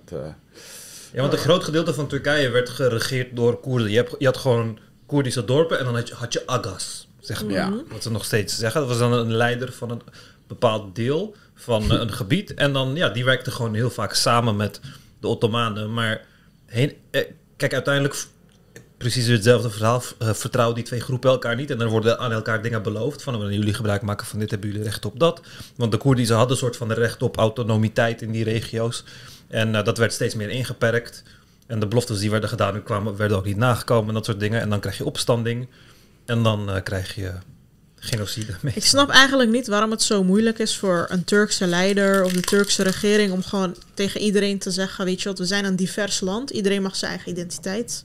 Mhm. Dan heb je toch helemaal ook geen problemen meer, Ja, maar zo win je niet in de politiek in Turkije. als je dat zegt. Ja, als je zegt, ik omarm jullie allemaal, dan zegt ze, ja, oké, leuk. Dat, dat idee heb ik. Ze willen allemaal privileges. Ja. Soort van. En ze stemmen op iemand die, die in hun groep past. Weet je wel? En ieder, Ja. iemand die zegt van, ik pas niet in je groep, maar ik, ik wil graag ook dat jij ehm, je leven kan leiden zoals je dat zou willen. Eh, dat, dat, dat zou je, dan zou je er moeten denken van, oh, dat is geweldig. Ja, Maar ik dan- zag dat eigenlijk in die oppositieleider, waar wij op hebben gestemd. Dat zag ik hem wel doen. Alleen ja, hij heeft dan geen charisma, wordt er gezegd. Daar ben ik het eigenlijk wel mee eens. Ik ook. En, ehm, of zoals een artikel dat zei, hij heeft het charisma van een natte dweil. En ehm, hij is alevitisch. Ja. Ja. daar win je ook geen stemmen mee. Nee, daar, daar, niet- Het is niet je, dat je er niet mee wint. Het sluit een groot deel van de conservatieve bevolking uit die überhaupt op je zou kunnen stemmen. Ja, precies. Want als daar, daar Imamollah hadden neergezet, dan had je nog vanuit de conservatieven die Dat Erdogan mijn vrienden zat ook. waren, Ja. hadden, ze, hadden ze echt wel nog wel een percentage stemmen kunnen pakken. Alleen Maar al met die achternaam gewoon- maak je meer kans. Laat staan van de achternaam, maar gewoon puur achtergrond en achternaam is al voor heel veel mensen reden om niet of wel op iemand te stemmen. Ja. Ja. Zo simpel als, oh, hij komt uit mijn eh, gebied in Turkije. Daardoor kan ik Ja. op hem stemmen. Weet je, dat soort simpele gedachten zijn er in Turkije. En Ja. ik denk ook, je moet niet kaal zijn, denk ik. dat is echt Ja, zo. kan best. Er is, nog, er is nog nooit een Amerikaanse president geweest die kaal was, bijvoorbeeld, Mm. in de laatste 100 jaar of zo. En Turkse presidenten. Zou het echt zo simpel zijn? Ja, want als je kijkt naar Imamoglu, hij straalt veel meer jeugd uit Mhm. dan Kılıçdaroğlu. Ja. Mm. En Erdogan ook. Het feit dat hij haar heeft, helpt heel veel. Want die andere kale guy Erdogan van is ook heel lang. Ja. Mhm. Lang moet je dus ook zijn. Ja. Lang zijn en haar hebben zijn hele belangrijke En een beetje zo'n forse bouw. Kijk, Mhm. Kılıçdaroğlu is gewoon zo Ja. heel fijn. Hij lijkt gewoon klein als een kleine opa of zo. Ja. Dus als, je, als je hem duwt, gaat hij breken. Of En heel veel Turken zien in hem al geen... Zelfs al zouden ze een soort van neigen naar hem, dan denken ze... Ja. Ja. Hij komt, wel? maar Turken houden ook van, weet je wel, van macho mannen. Weet je Ja. wel, die gewoon met hun vuisten op tafel Ja. kunnen slaan en zeggen Turkije is nummer één. Ja. Weet je wel, daar, daar houden ze van. Ja, En- dat en is Erdogan. Dat is Erdogan. Hij En zegt one dan- minute. Ja, en als je dan Kılıçdaroğlu op ziet komen, dan denk je, ja, dat is een heel lief opaatje, weet je wel, Mm. dat qua, qua uiterlijk. En kijk, hij kan inhoudelijk dan nog wel heel veel nuttige dingen zeggen. En ik geloof ook wel dat als hij aan de macht was gekomen, dat er, dat er, dat er echt wel veranderingen eh, teweeg zouden kunnen worden gebracht in Turkije die positief zijn. Eh, maar je ziet wel dat de, hij is niet de leider die Turkije zoekt in, in, de, in de vorm wat hij Ja. eh, presenteert. Maar het is niet alleen bij Turken zo. Hè. Kijk naar Amerikanen. Ze hebben ook op Trump gestemd. Tuurlijk. Weet je wel? Het is gewoon, denk Ja. ik, gewoon een soort conservatieve mensen iets. Dat ze dat zoeken in een leider. Ik vind het ook niet erg om een sterke leider te hebben. Kijk, ik, Ja. ik ben het over het algemeen... eh, En als ze een oneens. vrouw hadden neergezet, wow, die zou al helemaal geen kans maken. Dan ben je gewoon echt een Ah, vrouw. Ja, dat vind ik. Tansu Çiller was wel gewoon, Ja. is wel gewoon president in Turkije geweest. Wie? Dat is de, eh, eh, dat is de eerste vrouwelijke president van Turkije. Tansu Çiller heette zij. Oh, die heb ik niet, niet meegemaakt of zo. Ja. maar Deze, Na Ejevit of zo? ja, volgens mij Ja. kwam zij net na Ejevit Ik inderdaad. zie dat in deze tijd. En zij was echt gebeuren. een pittige vrouw. Ja, zij ik was ik ken haar gewoon, nog van tv toen ik jong was inderdaad. En zij is gewoon, nou, zij heeft gewoon de macht gepakt. Hè. Ze heeft het ook niet gekregen. Het was niet van, oh, we gaan, we gaan, we gaan net doen alsof Oh, we ja. progressief zijn. En we maar zij heeft echt gewoon... Haar uitstraling is ook charismatisch. Daarom, dus ik geloof wel dat Turken prima op een vrouw zouden kunnen stemmen. Geen enkele politieke leider is een vrouw. In Turkije. Van de Op dit moment niet, nee. Maar dat, dat heeft er ook mee te maken dat... eh, kijk, vroeger stemden religieuze mensen een stuk minder procentueel gezien. Omdat ze Ja. zich niet herkenden in de Turkse politiek. En nu merk je dat de grote deel die georganiseerd stemt in Turkije... is de conservatieve deel. Hè, dus die, maar die, die, en met georganiseerd bedoel ik echt letterlijk van... je neemt je oude oma van 95 mee een in een busje. rolstoel... eh, in een busje om Ja. haar stem te laten geven. Dus ze, hebben, be- ze, ze beseften op een gegeven moment nadat Erdogan kwam van hé, we hebben gewoon macht. We hebben gewoon aantallen. We hebben gewoon aantallen, weet je wel. En, en wij moeten gewoon zorgen dat we dat zo goed mogelijk mobiliseren en dat vast blijven houden. En dat is mijn kritiek ook in Opkomst Nederland. was heel hoog trouwens. hè. Ja, in Nederland had je volgens mij, wat was het op, op 49 procent, volgens mij had Ja, ik het ja, gelezen, zoiets in Nederland. En dan zeggen ze, ja, 70 procent heeft op Erdogan gestemd. Ja, geloof mij, als jij opkomst van 80, 90 procent had gehad vanuit de Turkse Nederlanders, hadden die verhoudingen echt niet 70 procent geweest. Het is alleen, hier zijn ze zo georganiseerd in Nederland. Ze, ze, ze huren bussen. Ze, ze, ze, ze beginnen al een half jaar van tevoren te vertellen dat mensen vrij moeten nemen op bepaalde momenten om te gaan stemmen. Ze nemen iedereen uit de familie mee. Ze, ze, weet je wel, ze rijden gewoon rond om gewoon mensen echt letterlijk bij huizen aan te bellen waarvan ze weten dat het conservatieve stemmen zijn van heb je al gestemd? Kom maar, ik breng je wel. Weet je, Niemand dat- heeft bij mij aangebeld. ik denk ook dat ik weet waarom dat zo is. nee, maar besef even dat, dat, dus dat zij zo sterk zijn georganiseerd... Dat ze, dat ze een soort van die politieke macht gewoon willen kunnen vasthouden daardoor. En ja, dat, eh, ja, compliment moet ik eerlijk zeggen. Ik bedoel, als, als de... En de moderne Turken kunnen dus zich niet zo organiseren. Ja, moet je heel eerlijk zeggen, maar, eh, ik, ik, ik kan stemmen en ik wilde ook gaan stemmen. En, toen, en, en ik dacht op een gegeven moment, zal ik het wel gaan doen? En toen zei, het is dat mijn moeder zei, we gaan, weet je wel. En dat ik uiteindelijk... En ik heb een mening en dat soort dingen, maar eh, ja, weet je, ik denk, ja, het is toch uiteindelijk Je hebt het losgelaten. Turkije. En, en moet ik wel willen stemmen? Want ik ga nu, ik ga nu mee eh, beslissen over de toekomst van mensen waar ik Ja, dat zei ik ook al. Dat ja, dat ik denk van, maar ik, ik had wel zoiets van, ik heb jarenlang eh, geprobeerd om eh, de, de keerzijde van Erdogan aan mensen uit te leggen. Ik ben soort van verplicht aan mijn geïnvesteerde tijd om ook mijn stem te, te, te geven. En ik ga ook de tweede ronde, dat, dat ga ik ook toch nog stemmen. Ja, Eén stem is toch een stem, hè? Ja. Oh, je gaat wel stemmen. Want we kunnen vanaf morgen weer stemmen. Ja, 20 tot 24 geloof ik. Zullen we... zou jij kunnen stemmen in... Jij zou niet kunnen stemmen in Nederland. Dat Ik wordt ook. lastig. Waarom? Omdat het gewoon een veiligheidsrisico voor jou is. Oh, ja, zo. Ja, klopt. Dat is echt lijm. Want ik dacht eraan. Ik dacht van, oh ja, Lale gaat sowieso stemmen. En toen dacht ik van, Hoe nee dan? man. Als er nu al vechtpartij ontstaat, boy, joh, wanneer jij daar bent, heb je gewoon zelfmoordaanslag, Ja. alles. Ja, ik ging gewoon met pet en zo. Ja. En eh, vrienden. Nou, want zeggen, ga gewoon met een groepje vrienden. Ja, precies. En moet je heel eerlijk zeggen, als jij in Nederland ergens niet kan gaan stemmen, dan hebben wij ook in Nederland een probleem. Ja. Ja. Dat, dan, dan wordt dat zichtbaar en misschien is dat ook wel goed dat dat dan zichtbaar wordt. En daar ben Ja. ik het. Daar, toen er, toen er eh, gevechten in de rij ontstonden, geloof ik, rij was het. Ja. Eerst dacht ik van, oh jongens toch, weet je, kappen nou eens mee. Toen dacht ik, nee, zijn wel goed.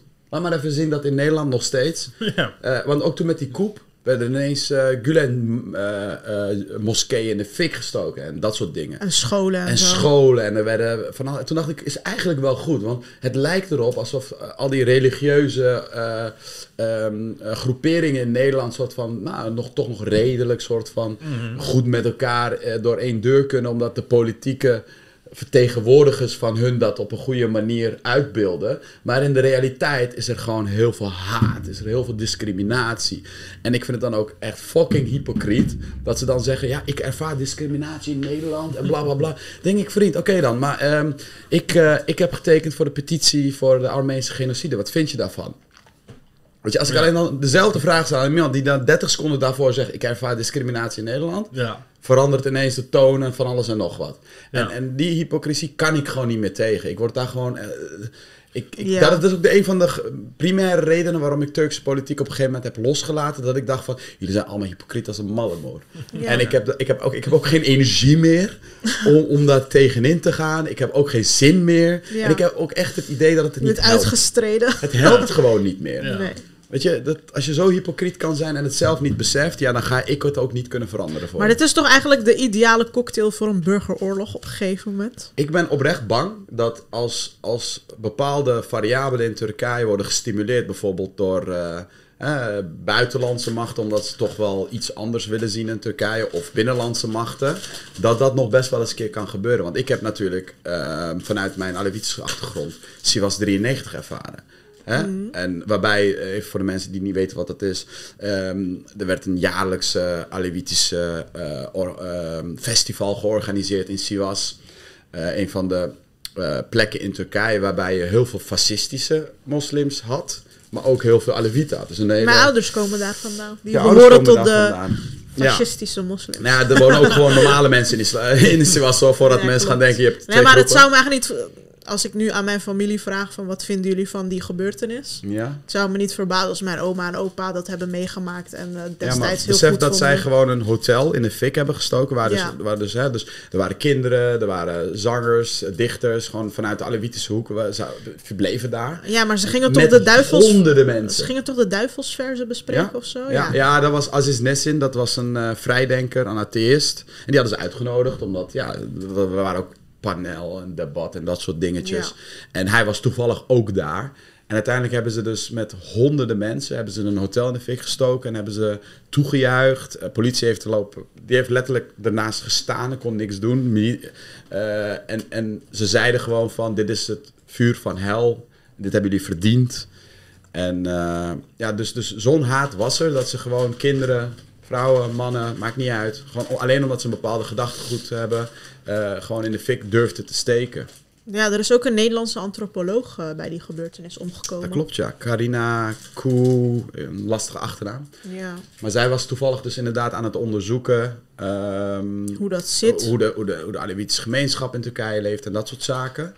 En die is, eh, ja, die is destijds dus ook overleden tijdens, tijdens de brand. Ja, en dit is in 1993, hè, besef. Het is gewoon Mhm. helemaal niet zo Dus lang nee, geleden. nee. Maar daarom zeg ik, ik, ik, ik weet de pijn daarvan. Mijn eh, dit is misschien iets persoonlijks, maar in 1983 iets soortgelijks gebeurd in Çorum. eh, waarbij dus fascistische moslims ehm, ja, eigenlijk heel veel Alevitische dorpen binnen zijn gevallen. eh, kinderen hebben gedood, mensen hebben opgehangen eh, en dat soort zaken. Nou, mijn moeder zat destijds in een weeshuis, dus die is, die is echt letterlijk naar een kelder verplaatst. Dus alle Alevitische jongeren werden verzameld, die werden in een kelder verstopt, zodat ze beschermd konden worden. En eh, zij studeerde destijds als eh, zuster. En zij, heeft toen, zij hebben toen haar, de verbrande lichamen van eh, haar dorpelingen, eh, ja, laten wassen en dat soort dingen. Omdat ze ook niet wilden dat eh, de Soenitische mensen wilden de Alevitische mensen niet wassen en dat soort zaken. Dus moest mijn moeder dat doen. En die heeft daar best wel dus trauma's aan overgehouden. Ja. En dat is gewoon de realiteit waarin, waarin de meeste Alevieten zijn opgegroeid. En dat is ook de- waarom ze Ja. heel erg vaak een soort van revolutionair... eh, dus, dus ze kunnen ook niet echt polderen met, eh, met, met heel veel mensen. Omdat ze denken van ja, maar jij hebt ons in de fik gestoken. Je hebt ons vermoord met je gedachtegoed. Ja. Klopt, zelfs na die aardbeving had je zeg maar Alevitische gebieden die minder hulp kregen dan steeds. Sunnitische Mijn gebieden. vriendin zijn vader heeft in de gevangenis heel veel mensen, heel veel Koerden, Ja? Koerden die Alevitische Koerden, die zijn Alevitisch Koerd, die hebben in de gevangenis gezeten. We hebben iemand in de groep wiens vader eh, door martelingen in de gevangenis doof is geworden. Die mensen heb je, echt veel van die mensen heb je zelfs in Nederland, want die zijn allemaal uit Nederland gevlucht. Ja. Maar eh, Dat ja, zijn wel vaak de linkse, progressieve Ja, ja. mensen. Dus de- de- ze hadden dan vaak een Alevitische of Koerdische of, of Turkse achtergrond. Mm, Maar dat was niet de primaire reden Nee. waarom ze dan zeg maar in de gevangenis terechtkwamen. Mhm. Dat was echt die, eh, die linkse, progressieve, revolutionistische mensen vanuit Ja. de jaren tachtig. Die Ja. ken ik, die, dat is mijn, dat is mijn eh, Tijdens de jaren 80 koep hebben ze gewoon al die mensen. Ze hebben half miljoen mensen in de Ja. gevangenis gegooid. Ja. Half miljoen mensen Ja. in de gevangenis. Gewoon, en het is ook zo van, oh Koert, ja, oké, we connecten dat aan dit. Oké, ja, jij gaat in de cel. Simpele dingen als als jij naar een eh, poster zat te kijken die illegaal was opgehangen, werd je al gewoon meegenomen door de politie. Zeg maar, zo, zo simplistisch was dat destijds. En dan had je, hoefde je hem niet eens zelf op te hangen of zo, maar had dan een of andere, iemand had s'nachts opgehangen en jij stond daar toevallig stil en reed de politiewagen langs je heen. En Ja. dan werd je gewoon meegenomen en dan zeiden ze, oh, maar jij was het aan het lezen, dus we gaan jou ook oppakken. Zo simpel was het in Turkije destijds. En heel veel mensen zijn ook gewoon verdwenen, gewoon. Hebben nooit meer iets van gehoord. Ja, er dus, eh, je had die Diyarbakir prison, prison. Ja. En er is een stukje over die tortures. Dat wil ik wel even voorlezen. Er staat: The prison wards use terms usually employed for acts of diversion and uh, cleanness, such as disco, welcome, theater, or bathroom, for the different styles of torture they practiced. Among the most common practices were severe and systematic beating, pulling of hair, being stripped naked, being blindfolded and hosed, solitary confinement, guards' insults, constant and relentless surveillance and intimidation, death threats, the obligation to salute Captain Esat Oktay Yıldırım's dog, a German Shepherd called Yo, which was trained to bite the genitals of naked prisoners. Sleep, sensory, water, and food deprivation for extensive period. Falaka, which is the beating of the soles of the feet. Palestinian hangings, which is hanging by the arms. Stress positions or forcing prisoners to stand for long durations.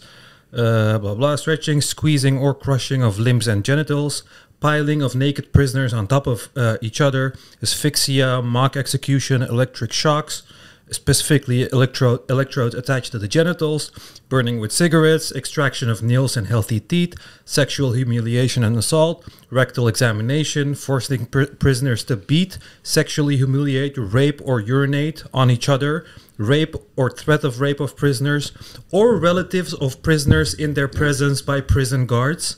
Dus ze, ze verkrachten je familie voor je eigen ogen, zeg maar, Ja. in de gevangenis.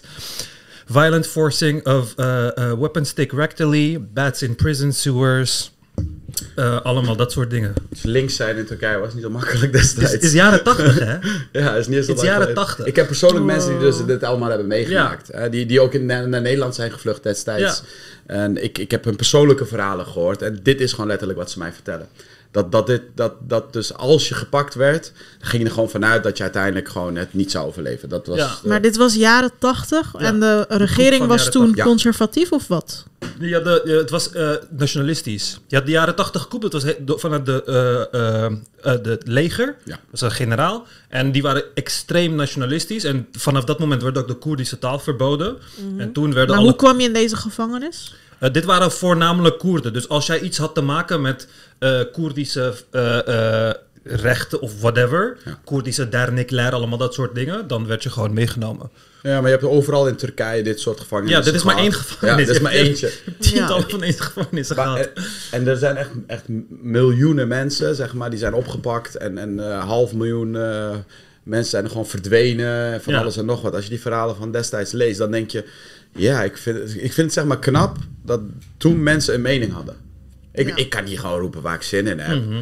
En als het, bij wijze van als het mijn baan zou al moeten gaan kosten, zou ik al over nadenken.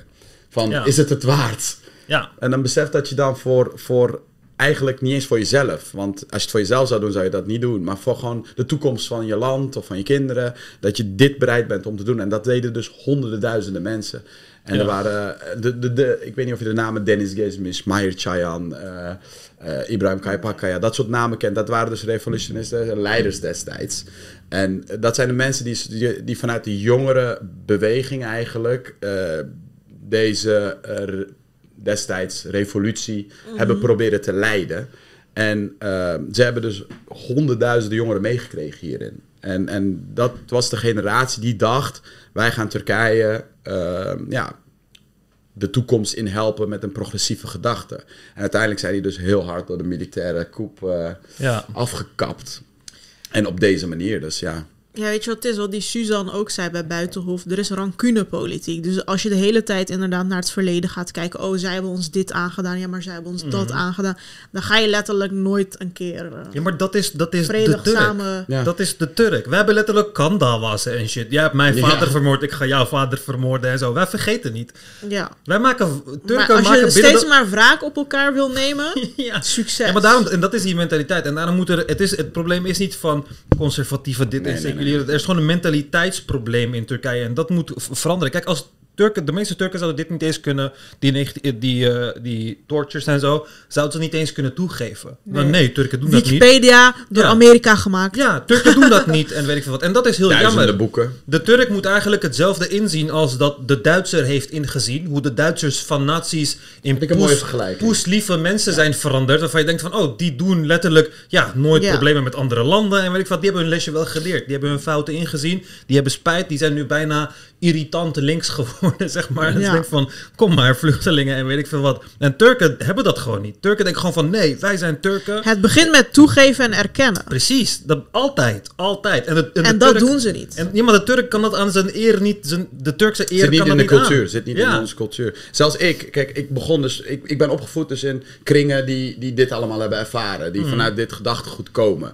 Dus ik ben ook inderdaad soort van vanaf mijn jeugd af aan gebrainwashed om te Ja. denken, hè, dit hebben ze ons aangedaan. En dan Ja. ik ook nog twee verschillende identiteiten. Ik was ook nog Aleviet, zeg maar, dus had ik dat ook nog mee. En dus ik had soort van een bepaalde haat op een gegeven moment richting rechtsextremistische mensen. Hmm. En, en, en als jij tegen mij zei, ik stem op de eh, eh, MHP, ja, dacht ik echt van, ja, ja maar ik, ik moet jou haten. Ja, ja, Alleen ja. ik haatte ze niet. Dat was het probleem, zeg maar. Ik, als persoon haat ik ze niet. Dus ik denk, er zit iets niet helemaal... Dus de- en dan ga je dan onderzoeken en dan denk je, ja, ik snap dat dit is gebeurd.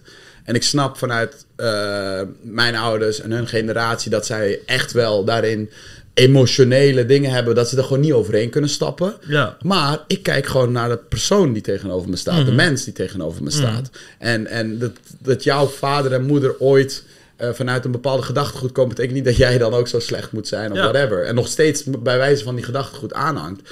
Maar het zit heel diep. Ja, ja, het ja. zit heel diep. Als jij nu iemand iets vraagt over deze periode die dat heeft meegemaakt, hij gaat het nooit van zich af kunnen zetten. Ja, Dat is Ja. cultuur, maar dat zit ook gewoon. Dat, zijn, besef wat voor traumatische ervaringen dit met zich heeft meegebracht. Ja, hetzelfde voor Armenen en zo. Die, Ja. De meeste Armenen die ik eh, ontmoet, ik durf bijna niet te zeggen dat ik Turks ben, zeg maar, als ze nog niet mij kennen of eh, weet je wel.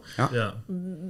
Die hebben, die hebben ook echt haat. Mhm. Ja, en dat, dat, dat besef ik ook. Maar daar zijn ze mee opgevoed. Ja, jongens, ze zijn letterlijk een scheldwoord. Gewoon van Ja. Ermini Tohumu en dit en dat. Weet je, het is gewoon Volgens mij een is scheldwoord. Turkije het enige land waar zeg maar, een andere etniciteit een scheldwoord is.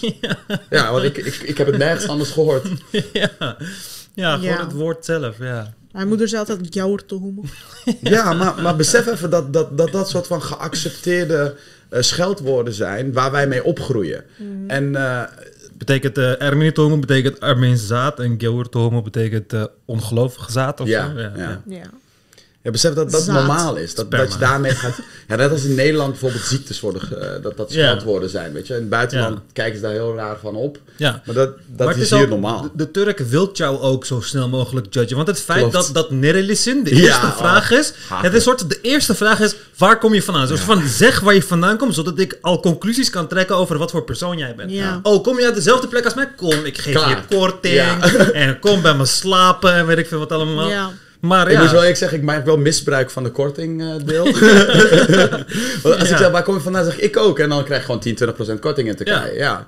Eh, hoeft het niet eens waar te zijn. Maar dat ik, ik ben die persoon, ik, ik ken je al net eh, drie, vier jaar, denk ik, weet ik veel. Ik wist niet dat je uit Sivas kwam. Ja, maakt mij ook niet zoveel uit. Echt, wist je dat niet? Nee, ja, ja, omdat ik wij er nooit over hebben. Ja, maar de eerste vraag, dat als een Turk mij ziet, is Nerelis. En dat Ja. betekent, waar kom je vandaan in Turkije? Even vertaald. Ja, en bij mij was het ook altijd van... Ik zei altijd dan Istanbul. Waren we in Istanbul? Zei ik Istanbul. Zeiden ze van nee, dat kan niet, weet je. En Niemand bij mij, komt uit Istanbul. Ja, want bij mij dachten ze altijd van je bent Koert of zo, weet je. Dan zei ik Hollanda of zo. En dan zeiden ze Romagna of zo. Van je lijkt op een zigeuner of zo, weet je. Want ik ben Ja. of Koert of ik ben zigeuner. Dat is een van die twee dingen telkens. Qua uiterlijk bedoel ik. Ja, en dat ja. was altijd zo, weet je. Het was altijd van, eh, nee, ja, je, je komt sowieso uit het oosten of zo. Maar ja, Ja. het is gewoon zo, zo. zo grappig om mee te maken dat, dat in Nederland, als ze dan vragen van waar kom je vandaan? Dat ze bedoelen van welke etnische achtergrond heb je eigenlijk. Ja, ja, ja. Maar dan zeg ik gewoon Deventer. En dan zie je ze, maar waar kom je echt vandaan? Zeg je, ja, toch echt Deventer, weet je wel. Ik ben daar toch echt geboren en getogen. En waar kom je ouders vandaan? Oh ja, oké, mijn ouders komen uit Turkije. Dus er zit, de- dezelfde vraag zit ook wel in, in, in onze cultuur in Nederland. eh, maar Ja, tuurlijk. Maar hier is, is Turk wel echt een veel grotere groep dan, eh, dan de Turken in Turkije. Daar, daar is het gewoon, daar heb je letterlijk ja, honderd verschillende soorten Klopt. Turken kun je zijn. En afhankelijk van bij welke groep je hoort, ga je zo behandeld worden. Moet je ook wel eerlijk zeggen, de culturele verschillen tussen die groepen zijn ook wel enorm in Ja, ja. bepaalde dingen. Dus er, Ja. er- er zit een bepaalde grondslag dat het ook wel gerechtvaardigd is om, om die vraag te stellen. Maar om iemand daarop dan te judgen is weer een heel ander stap. Precies. Het hoort niet aan de voorgrond te zitten dat je dat gelijk wilt weten voordat je iemand ontmoet natuurlijk. Ja, ik weet nog dat ik eh, af en toe, als ik, toen ik nog thuis woonde, dan zag ik bijvoorbeeld op tv Dilan Yeşilgöz of zo. En dan was mijn vader zo geneigd om hetgeen wat ze zegt goed te vinden. En dan ging hij gelijk zeggen van, oké, maar wat is haar achtergrond? Laat me even zoeken.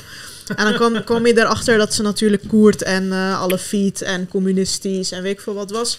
Oké, we gaan niks meer van deze persoon aannemen, weet je wel. Ja. En ook na mijn boek heb ik al eerder verteld, iedereen zei... De meeste comments waren, zij is sowieso geen Turk.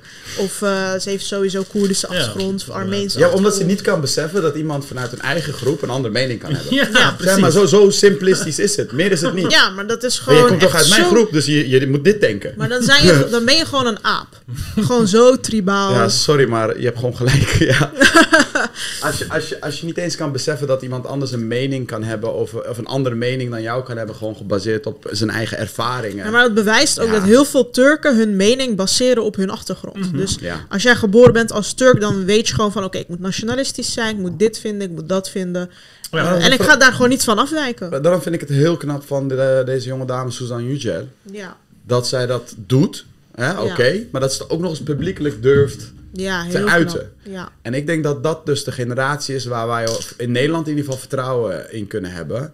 Dat je mag best gewoon je eigen identiteit behouden. Hè? Dus daarmee bedoel ik, eh, ik heb ook een vriend van mij die nog steeds vijf keer per dag bidt en weet ik het allemaal. En ik zou de, eerste zijn die op het moment dat hij dat niet meer kan doen, die voor zijn rechten zou eh, eh, staan.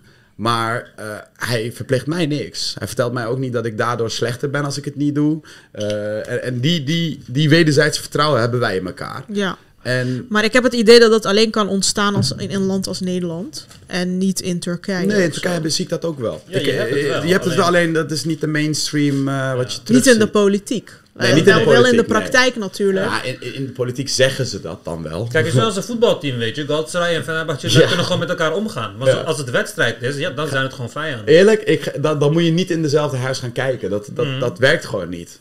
En dat is prima. Op voetbal kan je dat hebben van elkaar. Want dan, moment- en dan is het voorbij. En na twee dagen haat je elkaar en dan hou je me. Maar religie, eh, dat is zo essentieel. En, poli- eh, en politieke achtergrond, dat ze dat gewoon niet kunnen loslaten.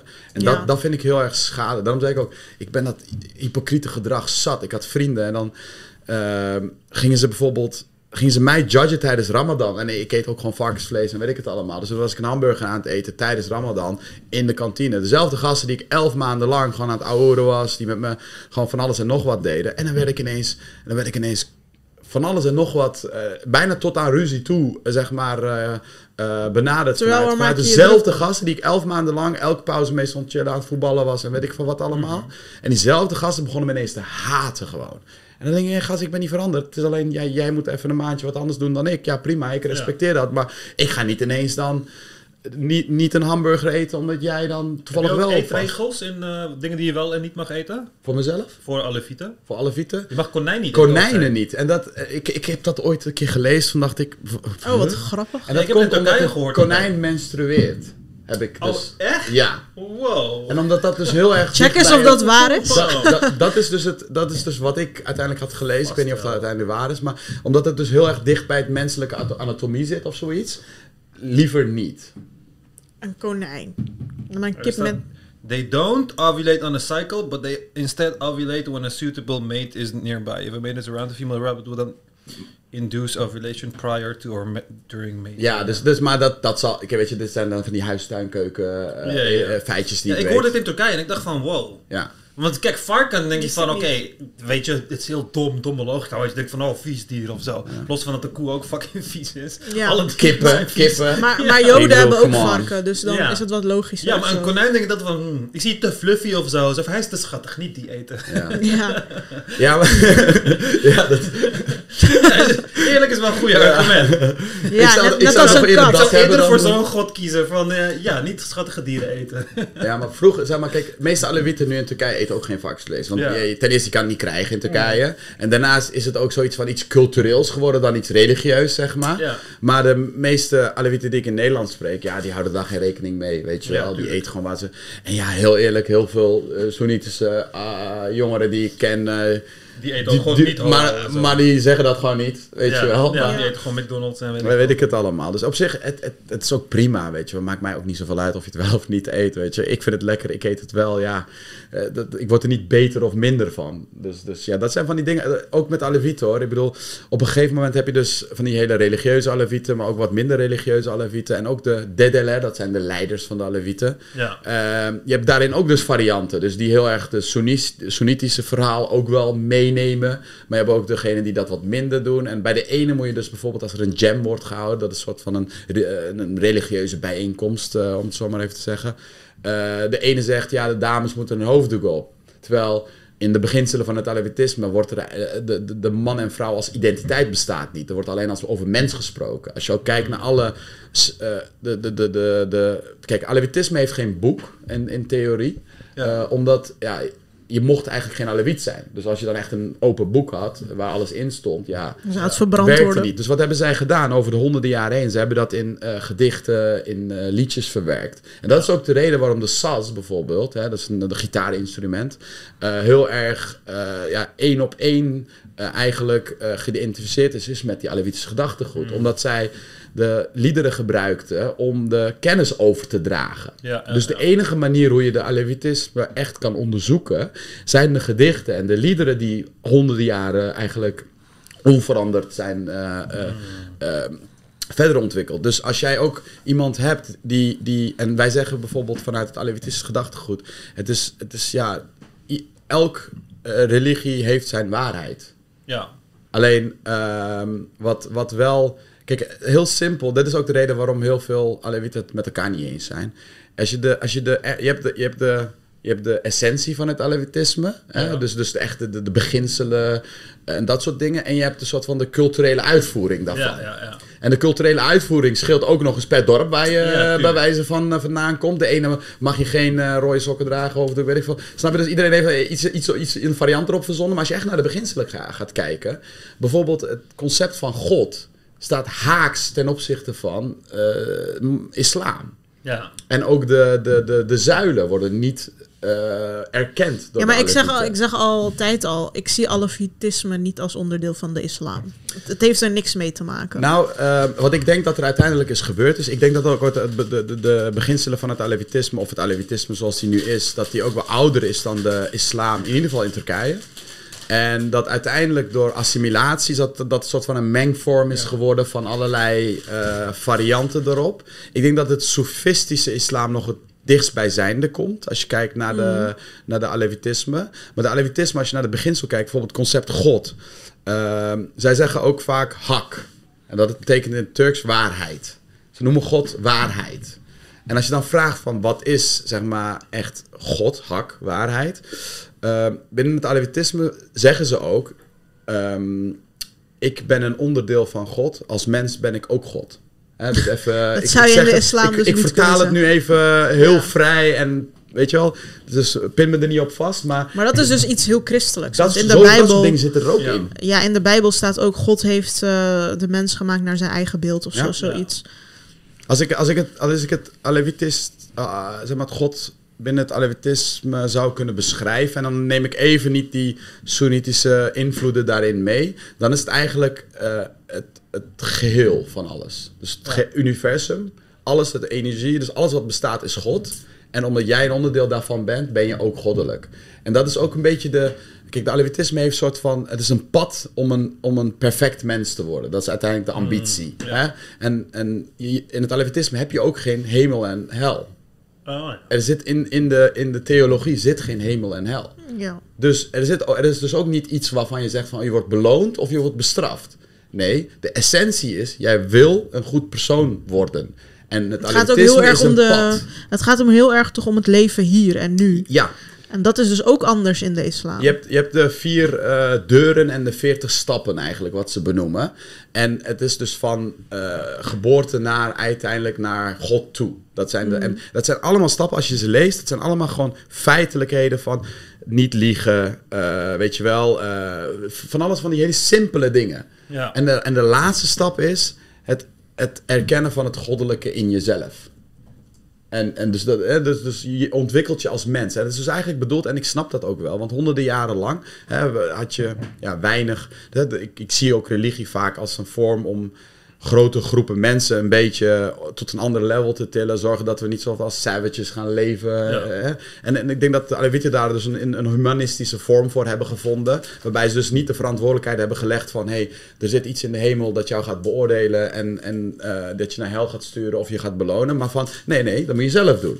En je Ja. moet de kracht in jezelf vinden om een goed persoon te zijn. En niet omdat je bestraft gaat worden het goede kiezen... maar omdat je dat zelf wil.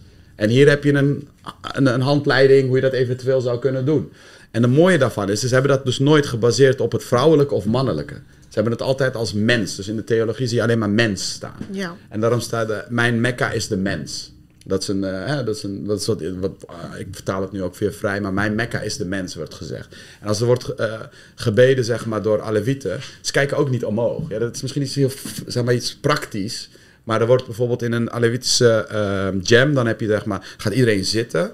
En dan heb je een dede, en dat is eigenlijk een soort van iemand die, die Een soort pastoor. ja, die, die, die de inhoud kent en die de maatschappij en de, en de, en de gemeenschap bij elkaar houdt. En eh, vroeger had je, was hij ook de rechter. Want je kon eh, in de, ja, 50 jaar geleden als Alawit lastig eh, ook met politie omgaan en met rechtbanken en dat soort dingen. Dus ze hadden een eigen honderden jaren geleden ook al eigen rechtssysteem gecreëerd. Waarbij als jij ruzie had met je buurman, en dan ging je niet naar de politie, nee, dan ging je naar de derde. En die, die verzamelde de gemeenschap, die hoorde iedereen uit en die had een oordeel en daar moest je ook aan houden. Dus je hebt een eigen soort van rechtssysteem binnen, het, eh, binnen de Alevitische gemeenschap. En dat is heel erg gestoeld op die bijeenkomsten, die jam-bijeenkomsten. Ja. En daarin wordt ook dus, daarin, als da- daarin wordt uitgesproken, is het ook klaar. Maar je kon ook verbannen worden. Weet je wel, dan werd je uit de gemeenschap verbannen door je gemeenschap eigenlijk. En iedereen had, mocht wat zeggen. Dus eh, er wordt ook begin van, een- dat vind ik hele mooie dingen. Begin van een eh, jam wordt ook gevraagd van, de derde gaat daar zitten. Heeft iemand bezwaar tegen het feit dat ik hier ga zitten, dan mag je naar voren komen en dan mag je dat uitspreken. Dus als jij bijvoorbeeld weet dat hij net vreemd is gegaan, ik zeg maar wat, en jij, jij vindt dat hij niet meer een, een leider kan zijn van de gemeenschap, omdat je vindt dat hij eh, tegen de Maar het allemaal heel normen en waarden ingaat, dan mag je dat gewoon gaan zeggen daar. Ja, Ga je dat maar tegen een imam doen? Ja, maar het is wel van, fraudegevoelig. Stel Tuurlijk. je voor, ik zeg, ja, jij bent gisteren... Alles, maar dat alles waar mensen het eh, bij beste betrokken wat je zijn, is eh, gevoelig. Het beste wat je had vroeger. Ja. Ja. niet beter dan dat. Wel grappig dat iedereen dan elkaar zo vertrouwt en niemand liegt. Ja, en, en de grap is, ik denk dat dat ook soort van een, eh, dat is je opvoeding, hè, weet je wel. Dat, dat is van, mensen zijn uiteindelijk, iedereen doet domme dingen, slechte dingen. Ik bedoel, hè, wie ken jij die, die 100% goed is in je leven? Dat, dat bestaat gewoon niet, toen ook niet.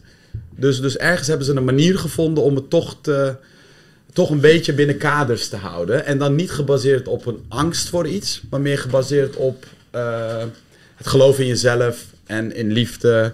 En dat is me ook de meeste liedjes die dan, of, of gedichten die je leest, is altijd van. eh, vind het mooie in jezelf, eh, liefde voor een ander, bla bla bla. En als je dat je hele leven lang blijft horen, ja, dan, dan is dat je realiteit. Ja, wat mij altijd al opviel, heel veel schrijvers, intellectuelen, creatieve mensen zijn altijd alle fieten in Turkije. Tenminste, altijd. Ze hebben leren meeste. vrijdenken. Ik denk dat dat het basis is. Ze worden, je wordt ook creatief van onderdrukking. Ook dat. Maar ik denk dat het ook gewoon mijn... Ik ben opgegroeid van niks is 100% waar in feite. Ik ben nog nooit heeft eh, een van mijn ouders gezegd van dit is het punt. En dat heb je bij meeste Alevieten niet. Omdat wij vanuit de gedachtegoed komen van ja, maar er- het is een pad. En iedereen loopt net op een andere manier. Maar de, de, de, uiteindelijk willen we naar dezelfde plek toe. Dat is het meer. En iedereen heeft zijn eigen pad. En iedereen heeft zijn eigen toegevoegde waarde. En van daaruit is er dus niks. Daarom zei ik ook. De Alevieten zeggen dat alle religies waar zijn. Een soort van, snap je? Hè? Dus, dus, ze zeggen dus niet Het is van... gewoon een hele tolerante houding dat, en, tegenover en zo ben je opgevoed. Dus je, wordt, je wordt niet met dogma's eh, of met eh, dat soort zaken eigenlijk vanuit jeugd af aan Ja, meegestimuleerd dat je dan dit is het moet denken. Maar ik heb altijd tegen van mijn vader zei, ik heb wat gevraagd aan mijn vader, wat denk je over het hiernamaals? Hij zegt, dat zie ik wel als ik dood ben. Weet je wel, gewoon... hè, kijk, dat zou dus een moslim nooit zeggen. Ja. Dus dat vind ik gewoon heel... eh, En als ik mijn moeder vraag, geloof je in een God? Zegt ze, ja, eh, er is vast wel een God, maar eh, ik weet het ook niet.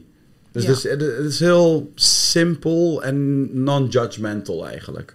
ja, En ja, als je eigenlijk dan, wel mooi, toch? Ja, ik weet niet of dat mooi is. Misschien is het wel heel erg mooi als je wel heel erg religieus wordt. Misschien ben je dan wel gelukkiger in Ik vind leven. het mooi. Ja, laat ik zo zeggen. Ik, ik heb gelezen dat eh, de, de, hoe intelligenter je bent, hoe ongelukkiger je bent. Echt? Dat, dat, ja, dat is volgens mij wetenschappelijk onderzoek. Is dat echt zo? Ja, Oh. dus, dus ik vraag me dan af van...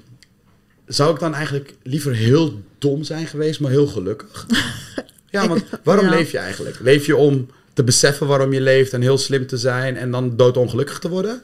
Of besef je om heel gelukkig te zijn? Nou, dus dit, dit- ik, ik weet het eerlijk gezegd niet. Ik zou wel eens een keer gewoon een jaartje heel dom willen zijn. Maar gewoon ook echt gewoon... Ja. En dan kijken of ik dan Lijkt gelukkiger me was heerlijk. geweest. Ja, maar daarom, sta, daarom zeg ik ook, ik zou ook, wel, ik zou ook wel waarderen als ik wel in een God geloof en dat dat mijn, dat ik weet van, dat zijn de regels, dit is wat er gaat gebeuren, dit is, eh, na de dood gebeurt er X, eh, voor de dood was er dit, en dat het gewoon, dat het duidelijk is. Nu, ja, ik, ik weet, dat, ik heb elke keer eh, dat ik denk van, ja, wat zal wat, hoe, wat, ja. Dus er is onduidelijkheid. Dus misschien is het wel heel mooi om duidelijkheid te hebben, weet ik niet. Ik, heb het, ik geloof het niet. Dus ja, ik Is niet onduidelijkheid niet ook mooi? Voor mij wel. Ja, voor mij ook. Voor mij wel. Ik vind het juist fijn dat ik elke dag andere gedachten... Ik, ik sta ook open om mijn gedachten te veranderen. Sinds ik mijn boek heb komt. gepubliceerd, krijg ik heel vaak berichten. Toevallig weer zo'n comment laatst. Maar heel vaak berichten met ja, je gaat in een leeg gat vallen. Want bla bla bla. En eh, je weet niet eens eh, waarvoor je leeft. Atheïsten zijn gewoon nihilisten. Weet je wel? Ga, gewoon dat soort woorden erin gooien. En dan Wow, dat is een gekke projectie, man. Ja, maar ik krijg dat zo vaak. En dan denk ik echt van, oké, maar ik ben gewoon gelukkig. Dus waarom wil je mij ongelukkigheid aanpraten of zo? Mhm. Misschien heb jij dat idee als je van je geloof afvalt, dat je dan niet meer weet waarvoor je leeft of Ja. waarvoor je kinderen maakt of welk geloof je ze dan moet geven. En misschien ga jij daar een soort existentiële crisis raken. Sowieso, als je iemand bent die andere berichten stuurt van ja, je gaat echt ongelukkig zijn, dan ben je geen gelukkig persoon. Ja. Ja, Gelukkige personen doen dat niet. maar dat krijgen feministen ook vaak, hè? Dan krijgen ze van zo'n van, die plaatjes, weet je wel. Hier heb je dan een eh, een successful accomplished woman met een gezin, en dan zie je aan de andere kant van eh, een feminist die eh, Mm. pizza eet en geen kinderen heeft en eh, altijd ongelukkig zal blijven. En dan Pizza eten en geen Ja. kinderen hebben, Ja. dat klinkt alleen maar als een gelukkig leven. Zoek dat plaatje alsjeblieft op, ik wil En- dat bespreken. En, en waarschijnlijk allemaal katten om haar heen. ja, Ja, allemaal ja, ja, katten ja. en zo'n Ah, cool. eh, zo'n ehm, eh, hoe noem je dat ding aan aan haar been, Zo- dat college debt Ja. stond er dan. Hmm. Eh, dus ehm, Ja, maar kijk, als, je, als jij al met stereotypen komt, dan neem ik al niet meer serieus. Weet je, zo simpel is het voor mij. Nee, Niemand maar echt, ik is... krijg zo vaak dat soort berichten. Ja, maar wat- feminisme gaat je niet gelukkig Ik, ik maken. volg je al een paar jaar. De berichten die jij krijgt, dat zijn Dit eh, bericht, dit, Ja. eh, deze foto. vrij extreme Ja. berichten over het Dit heb je dus ook in het Ah, ja. Turks, dit plaatje. En ehm, Ja, groot. Ik vraag me dan wel af of dit door een vrouw of een man is gemaakt. ja, kan allebei. Je hebt ook conservatieve vrouwen Ja, sorry, natuurlijk. maar die, die vrouw daar links, die heeft letterlijk vier kinderen eruit gepoept. En is Dat is dunner gewoon- dan de dame rechts? Dat- Wat bedoel je? is gewoon twee keer... Ja, maar dit is gewoon een conservatief gezin. Dit is Ah. gewoon... eh, want de gemiddelde vrouw doet 2,1 baby of 1,9 baby's of zo. Dus deze heeft al twee keer zoveel kinderen als normaal. Man ziet er braaf uit met zijn brilletje en weet ik veel Maar wat zegt dat dan allemaal? Ja, het is, gewoon, het is gewoon dom dat je veel kinderen moet hebben om gelukkig te zijn of zo. Terwijl, ja, ik vind het hele idee van dat... Ik ga echt veel mensen boos maken hiermee, maar ik vind het hele idee dat kinderen je gelukkig maken, vind ik echt bullshit. Sorry, Ja. ik vind het Ja, echt het, is, bullshit. het is heel simpel. Het is heel simpel. Ik, ik, Als je ze hebt, tuurlijk, je moet er gelukkig mee zijn. Want anders, ja, als je er ongelukkig mee bent, ja, heb je een kutleven. dus ja, ik denk dat je het niet kan weten totdat je ze hebt. En als je het eenmaal Mhm. hebt, kom je er sowieso niet meer vanaf. Dus dat is een beetje dat Ja, gevoel. daarom. Hè? Hebben nog niet de kinderen zelf. maar daarom dat moet je er blij mee zijn, want je komt er niet mee af. Je komt er Ja, niet dus van jouw copingmechanisme is gewoon van... eh, zelfs als je er ongelukkig mee bent... of zelfs Mhm. als je spijt hebt van je keuze... is gewoon van... nee, maar ik hou heel veel van ze. zo. Ja, nee, maar wat, wat, wat heel veel mensen denken van, nou, maar je, je, je krijgt er toch iets voor terug. Ja, maar je, kijk, je krijgt er iets voor terug wat jij, als jij nooit kinderen gaat krijgen, het nooit gaat ervaren. Maar je levert er ook iets voor in wat ik nooit meer terug ga krijgen. Als Ja. ik, hè, dus als, als vader of moeder zijnde. Want je levert tijd in, je levert... Ik, bij wijze van, je hebt, je hebt deze, dit gezin, hè. En die man besluit, ik ga drie jaar reizen. Ja, Gaat niet. nee. Tenzij dus zijn hele familie meegaat. Dus je, Dat je kan wordt... niet, want die hebben school. Bij wijze van, hè? Dus Ja. je, wordt, je wordt ergens beperkt in de keuze. Tenminste, als jij als vader of moeder betrokken wil zijn bij de ouders. wel, Je zou ook mensen die het wel doen en nooit meer hun kinderen zien. Maar laten we Ja. het even hebben over dat, dat je dat wel wil zijn. Betrokken bij de, bij de leven van je kinderen. Ja, dat kan je gewoon niet doen dan. Of Mhm. het wordt heel erg lastig. Dus je, wordt, hè, dus je bent beperkt in de keuzevrijheid die je hebt. Maar je krijgt ook iets terug.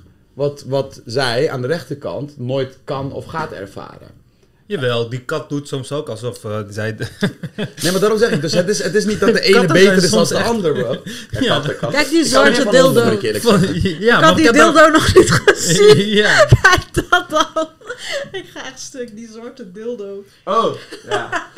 Ja, want ze kan geen man krijgen natuurlijk als ze feminist is. Ja, dat is eh, wat de logica dan moet je, dan moet je met een dildo gaan Ik denk dat zij eh, seksueel veel gelukkiger is dan dame links. Ja, 100%. Ja, dat denk ik ook. Ja. Eh, dit, dit zijn van, van dat soort beelden dat ik denk van... eh, Jongens, het is inmiddels 2023. Laat mensen hun En- eigen keuze maken. ja, precies. en En ze snappen ook niet dat sommige vrouwen daar gelukkig van worden en sommige vrouwen daar. Ja, Dat precies. kan, want dat zeg ik. Ik ken heel Ja. veel vriendinnen die zitten echt van... Ik moet een man vinden en ik wil kinderen en ik wil huisje, boompje, beestje. En die willen dat ook oprecht. Ja. En ik heb heel veel vriendinnen die zeggen van never dan nooit. Ja. Ja. En beide kunnen gelukkig worden. Ja, Het is gewoon je persoonlijke je voorkeur. zou bijna denken dat het gewoon eh, individuele mensen zijn. hey, wat raar. Leven, Dat niet alle leven- vrouwen hetzelfde zijn. Ja, wow. Kunnen vrouwen aparte dingen doen? Ja, maar ook bijvoorbeeld mannen, die, mannen moeten altijd macho zijn, hè? Dat, dat verhaal. Ja, waarom? Kijk je ook naar Andrew Tate? Ik, ik, ik- wie, wie ziet Andrew Tate niet voorbij komen op zijn Wat vind timeline, je heb van ik een idee. Wat ik het, wat ik het, kijk, ik, ik kijk nooit, ik kijk altijd naar inhoud van mensen, maar dat is, dat ja, hij is gewoon dat, hij weet gewoon wat een bepaalde deel van de mannen willen horen en dat, dat zegt hij op een bepaalde manier dat, dat het echt overkomt. Hè? Dus Mhm. ik, ik, ik, laat ik zo zeggen, ik respecteer dat hij dat zo goed kan, maar 9 van de 10 keer zit hij Je natuurlijk te respecteert hem commercieel. Ja, als, als ja. marketingpersoon. Als mar- hey, maar besef even, hij is de meest gegoogelde man van 2022. Ja, zelfs wij hebben het Na- erover. zelfs, hij heeft zelfs Trump voorbij gegaan, weet ik het allemaal. Dus Mm. besef even wat hij voor elkaar heeft gekregen. Dus daardoor dacht ik van, wow, jij bent echt interessant. Hoe de fuck heb je dit gedaan? Alleen, kijk, wat hij roept. Dus ik zat een beetje... Ook, maar ik was ook gewoon oprecht dat ik dacht van, no judgment. Ik ga gewoon luisteren. Mm. Want, want je hoort natuurlijk van links en rechts ah, bepaalde verhalen. Nou, maar hij, hij, hij pakt zeg maar een bepaalde waarheid in de, in, de, in de samenleving. En vervolgens gooit hij daar een soort van masculinity bovenop. En Ja. maakt dat in helder, direct taal... dat iemand van een IQ van 75 het al volledig begrijpt. Ja. Dus zijn publiek is maximaal. Zijn inhoud is gestoeld op bepaalde onderdelen van waarheden die in de samenleving leven. En daarnaast is het controversieel. Hij heeft gewoon de perfecte mix gevonden.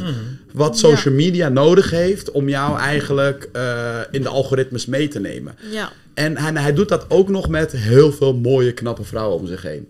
Ja. Ja, dus ja, dat is een soort van de, de, de 2023 versie van eh Hugh Hefner.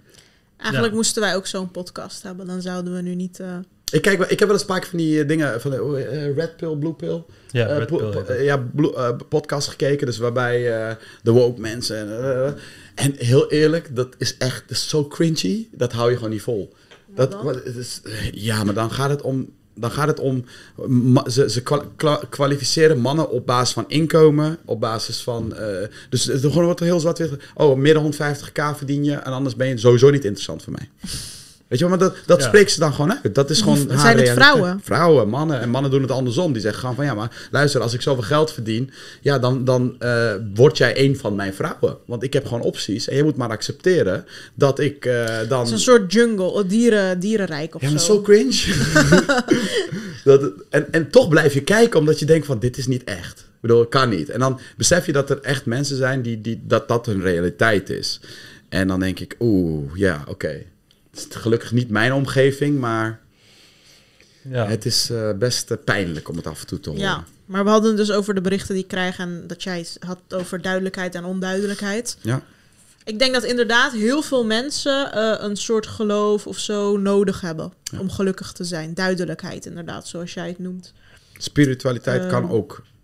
Ik denk Helpen. dat je bovengemiddeld intelligent moet zijn om ook met die onduidelijkheid om te, om te Ja. kunnen gaan en daar ook binnenin gelukkig. Kijk, ik heel vaak zeggen die moslims ook van eh, ja, maar eh, eh, waarvoor leef je dan? Of wat is dan je doel? Of wat heb je dan na de dood en zo? En ik heb gewoon zoiets van ja, maar ik vind dat niet belangrijk, want ik weet het niet en ik ga er nooit achter komen wat Ja. er na de dood is, weet je wel?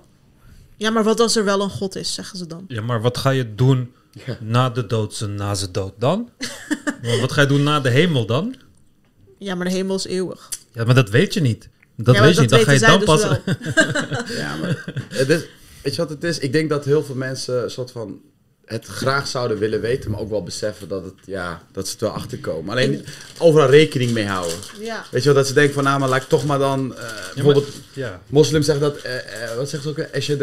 Uh, voor, net Ja. voordat je overlijdt. Ja. Dan kan je nog een moslim worden als je dat in je, in je hart gelooft, toch? Ja, ja, ja. dat, ik heb dat wel eens een keer gelezen. Dus dat je, bij wijze van, je weet dat je binnen een Ja, minuut dan ga je doodgaat. sowieso naar de hemel. Dan ga je altijd naar de hemel. Ja. En ik, ik, zat, ik heb oprecht over nagedacht. Ik dacht, stel dat ik weet dat ik binnen 60 seconden dood ga. Zou ik het dan gewoon zeggen voor zekerheid? Gewoon just to be sure? Pascal's wager. heet dat. Ja. Ik zou het ik wel zeggen, doen. ja, waarom niet? Ik zou het niet zeggen. Nee, maar, oh, maar blij stond er ook van, dan moet je er wel echt in gaan geloven. Ik denk niet dat ik dat de laatste minuut ineens Ik besluit. weet 100% dat er geen leven is na de dood. Nee, ja, dat, dat heb ik dus ook, oh, ja. ben je ik echt een atheïst, ja. Ja, maar dat, ik weet dat heel 100%. Kijk, van Gods bestaan, prima. Maar wat, wat, wat zeg jij leven? Bijvoorbeeld zeg jij wel van mijn, eh, mijn, mijn energie eh, gaat op in Nee, ik ga whatever? of gewoon van Je, Zeg maar, als ik mijn hoofd zo zou pakken en ik zou hem zo in twee pletten, net zoals wanneer ik Is een vlieg plet, is het gewoon klaar. Ja, want ja. dat is waar ik ben. Ja. Ik zit daar. Ik kan, het is alsof ik deze memory card heb en dan breek ik hem zo. En dan zeg ik, ja, maar de data dus jij bent jouw bewustzijn. Dus eigenlijk wat jij zegt is, jij bent ik ben, jouw ik ben bewustzijn. de elektrische activiteit in mijn hersenen. En zodra die elektrische activiteit daar een verandering in wordt gebracht, die kan het deel van mijn hersenen eruit snijden. En dan is het deel van mij weg. Het is gewoon weg. Het is, er is geen backup in een ziel of in een energie of weet ik veel wat allemaal. Maar daarom vind ik het zo arrogant en egoïstisch van de mensen van... oh nee, wat is er na onze dood? Nooit vraag je het af bij een vlieg. Nooit. Je maakt die vlieg dood en dan denk je niet van... ja, wat zou er na zijn eh, dood zijn? Maar het is exact hetzelfde. Hij heeft ook hersenen. Ja, Nee, ik denk dat gewone vliegen dan muggen worden en die komen terugsteken, weet je wel. Zo, dit Ja. was die motherfucker even een paar keer... eh, Maar ik geloof Ja. ook niet van die mensen die dan denken van... oh ja, het hiernamaals, eh, hoe ga je leven zonder eh, het hiernamaals en weet ik veel wat. Als je daadwerkelijk echt zou geloven in een hiernamaals en het echt daarvoor doet... dan moet je echt zo'n strikte moslim zijn. ja, Want dan, dan bewijs je dat je er echt in gelooft. Maar als je gewoon zo'n, weet ik, zo'n losse moslim bent, zoals de meeste moslims in Nederland. Ja, sorry, maar je- het is duidelijk dat je er niet in gelooft. Het is alsof je zegt van, yo jongens, er is echt een lijpfeestje daar. Gratis hoeren, eten, koken en weet ik veel wat allemaal. Maar je bent nog steeds op dit feestje. Je bent op, nog steeds op dit feestje aan het feesten. voor wat? Het is daar toch veel leuker. Dan ga je jezelf voor, klaarmaken voor daar. Maar dat doen ze niet. ja. En dat is met al die dingen zo. Het is ook van. eh, kijk, jij zei ook eh, een paar afleveringen terug van ja, harder straffen, waarom zou het niet werken en zo. Religie l- bewijst eigenlijk heel mooi dat het niet werkt. Want wat is een hardere straf dan voor eeuwigheid branden? Bestaat geen hardere straf voor. En toch, ja, doen ja, maar we die bij, shit re- niet. bij religie weet je gewoon van, nou, er bestaat ook een kans dat God niet bestaat. Tenminste, bij die losse gelovigen. Ja, ja, maar zelfs bij, bij echt gelovigen zullen ze niet. Ja, 100% zeker zijn. ja precies. Het is niet van ja, oh, als je. Geloof me, mijn ouders weten het 100% zeker. Ja, ja, vast wel. Maar uiteindelijk leven ze hun le- leven ook niet op een perfecte manier, weet je. En vooral, ja. In bij- hun hoofd wel. Ja. Zij Ja. plegen geen zondes. Ja, maar zeg maar, die mensen die, je dan, die wij kennen van school, die moslims, de lossere moslims, zij hebben het dan wel op die... En het gros van de moslims in Nederland zijn toch wel van dat soort moslims. Dat is een soort van de nieuwe generatie van gelovigen. Van, op papier ben je niet gelovig, maar ideologisch ben je gewoon heel erg gelovig. En dat is gewoon meer, dat, je, dat, dat, dat vergelijk ik meer met fan van een voetbalclub zijn, dan echt daadwerkelijk, weet je, zo'n ideologie aanhouden. Ik denk dat ze meer spiritueel zijn, omdat ze... Ze denken, de meesten die, die, die, die zich als moslim noemen, maar inderdaad het gedrag vertonen dat daar niet bij past, laat ik het even zo zeggen. Dat zijn wel mensen die dan wel, als ik dan echt doorvraag, geloven ze wel dat er een God is. Ja, ja. Maar ik denk dat zij dan ook wel beseffen dat eh, ja, de, de, de kaders die de islam ze meegeeft, dat dat dan niet echt misschien de waarheid is of Ja. de realiteit is. Maar ze, ze, ze zijn ook niet, ze weten wel dat er dan een God is voor zichzelf. Mhm. Maar daarin tussen zit een soort van een beetje heen en weer te gaan. Ja, ja, ja, hoe kan ik mijn leven zo invullen van er is een God en misschien is er een hemel en een hel. Maar ik denk ook niet dat het precies het boekje is wat daar staat en de regels die maar dat daarbij horen. vocaliseren ze ook nooit. Dat Nee, dat ze nooit toe. natuurlijk niet. Nee, ja. Nee, tuurlijk niet. En ook niet één op één. Ja, dat ik zou zeggen van, nou zeg nou, goh, weet je, we zijn... nou, dan ook niet, want dan geven ze het ook aan zichzelf toe, denk ik. Want dat is het Toen ook. ik net atheïst was, had ik eh, een paar maanden voordat ik uit de kast kwam met mijn vrienden van dat ik atheïst zou worden, was er een andere, een vriend van mij, Yusuf, en hij zei zo van, ja jongens, weet je, ik denk dat Mohammed gewoon een hele, hele slimme guy was en hij wist gewoon wat hij moest zeggen en zo. En ik dacht van, wow, Wow, heb je gewoon dezelfde mening als mij en zo. Je hebt door dat Mohammed gewoon een oplichter was en zo. en toen eh, werd, dat gewoon niet heel erg serieus genomen in de vriendengroep, ging dat voorbij.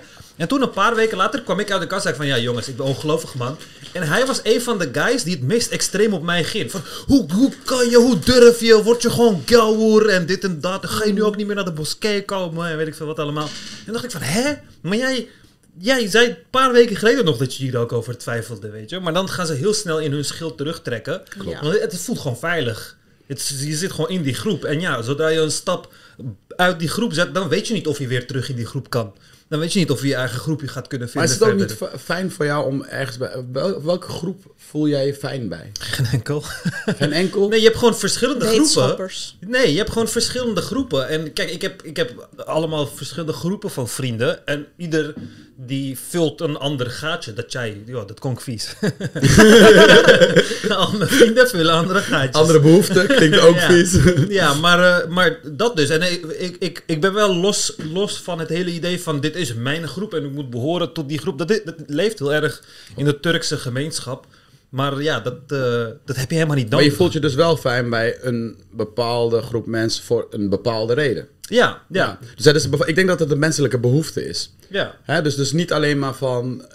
eh, eh, ja, ergens, bijvoorbeeld, ik zeg maar, ik heb, een, ik heb een groep waarvan ik het heel fijn vind om mee uit te gaan. Mm. Maar ik heb ook een, heel, een groep waarvan ik het heel fijn vind om een discussie mee te Precies. hebben. En dat zijn twee verschillende groepen. Ja, ja, En ik weet ook van die ene dat ik beter niet met hun uit kan gaan. ja. En je moet ze ook nooit mixen. Je moet ze ook nooit mixen. Ja. Nee, maar dus, dus ik heb behoefte aan groepen. En Ja. groepen van verschillende mensen, maar die wel binnen een bepaalde kader passen voor Mhm. mij, waar ik, waar ik op dat moment behoefte aan heb. En ik, ik, ik weet, ik denk dat dus ook eh, religie, eh, politiek, dat, dat bij heel veel mensen een bepaalde behoefte invult. Ja. En ja, kijk, wij, wij kunnen in onze huidige maatschappij veel meer gelijkdenkende vinden op bepaalde behoeftes die wij hebben. Vroeger was het niet zo. Je woonde, maar, bedoel, mijn ouders kwamen uit een dorp waar 150 man woonden.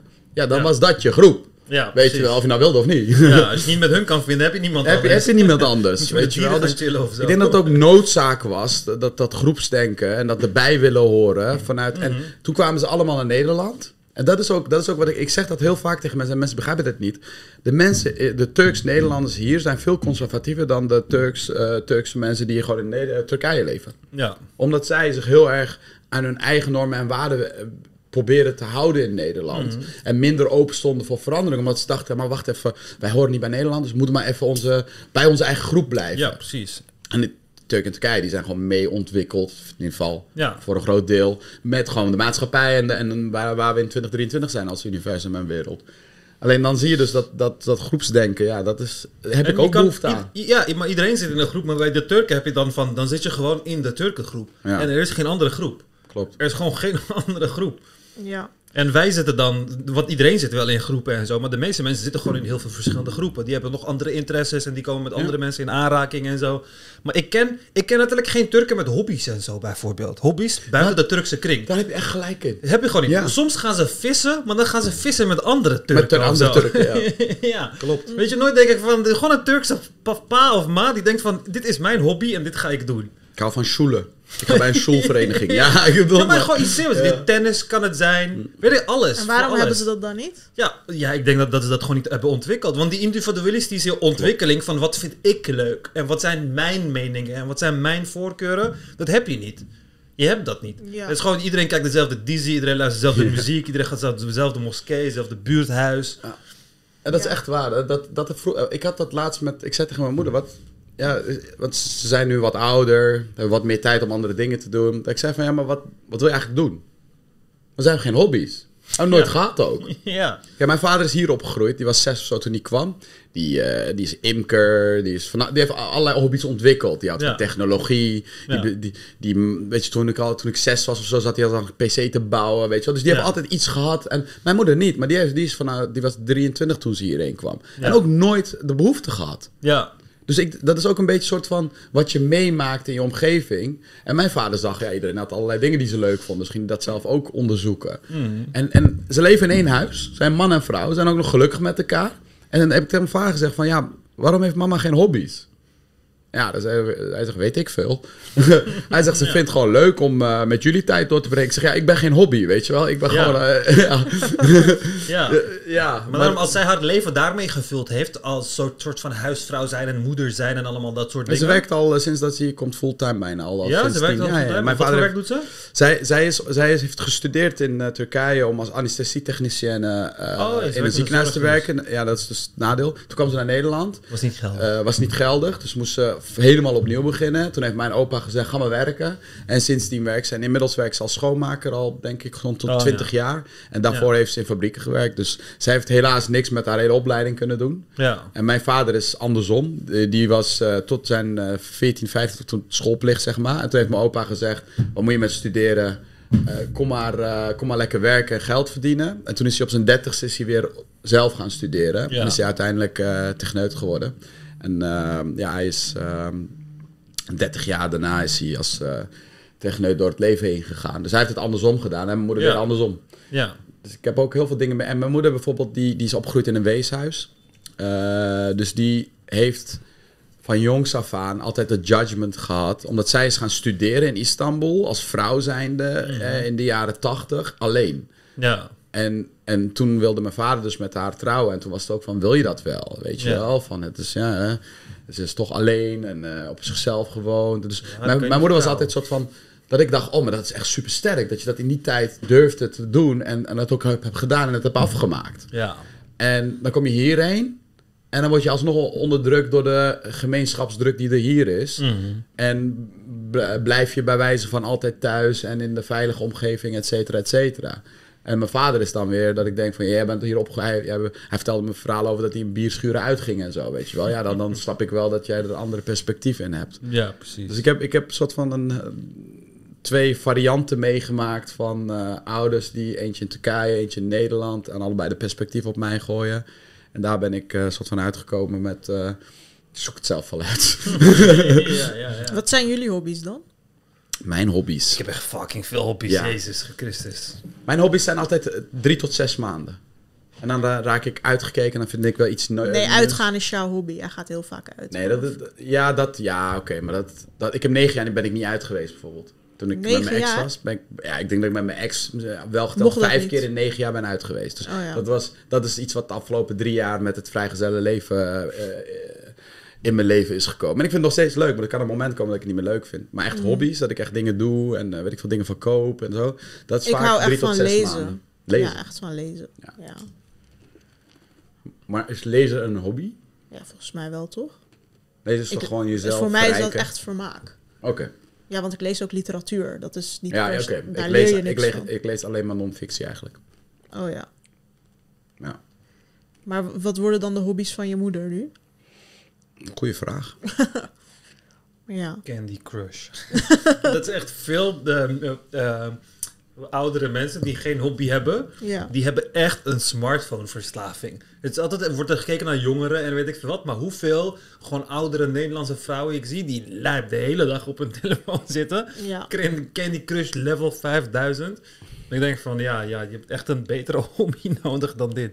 Nou, kijk, ergens vind ik het ook wel mooi dat je van simpele dingen ook gelukkig kan zijn. Kijk, Mhm. ik moet mezelf de hele tijd prikkelen. Ja, Ik, ben- anders, ik vind het saai anders, weet je. Dus ik ben de hele tijd op zoek naar sensatie en prikkels. Terwijl precies wat mijn moeder, als zij gewoon gezellig met mij op de bank zit... ja, ik ben daar soms ook wel jaloers op. Dat ik denk van, jij bent gewoon echt happy nu. Weet je wel, van, Ja. Ik kan dat niet. Ja. Ik wil dat ook kunnen. Ja, maar zei ik jullie ook- hebben ADHD. Ik kan niet eens rustig Ja. op een, eh wanneer een zonnig dagje, kan ik niet eens rustig in het park zitten. Nee, Dan man. denk ik gelijk van, eh, ik moet echt opstaan en move. Ja, ik begrijp jou, want op, gewoon van, je, je wilt gewoon... Het is niet eens dat je het niet leuk vindt of zo, maar het, je, die lichaam wil dan Ja, gewoon... Je moet gewoon je moet een beetje beweging in. Je kan niet, je, we slapen toch niet? Je moet toch een beetje bewegen? Zo grappig. Is wel waar. Je moet gewoon van je energie af de hele tijd. Het is niet eens af, maar het is soms van een... Je je hebt bijvoorbeeld, eh, heb jij motivatie om iets te doen soms? Echt motivatie? Mm, tuurlijk. Ja, ik heb een dat ook. gevoel die je krijgt. Ja, ik heb dat ook, maar ik weet niet waarvoor. Ja. Dus dan moet je zoeken. Dat, dat is zeg maar het gevoel dat je het misschien kan begrijpen. Ja. Ja. En hoe raak jij nu je motivatie kwijt, zeg maar? Of eh, waar Ja. kun je dat in kwijt?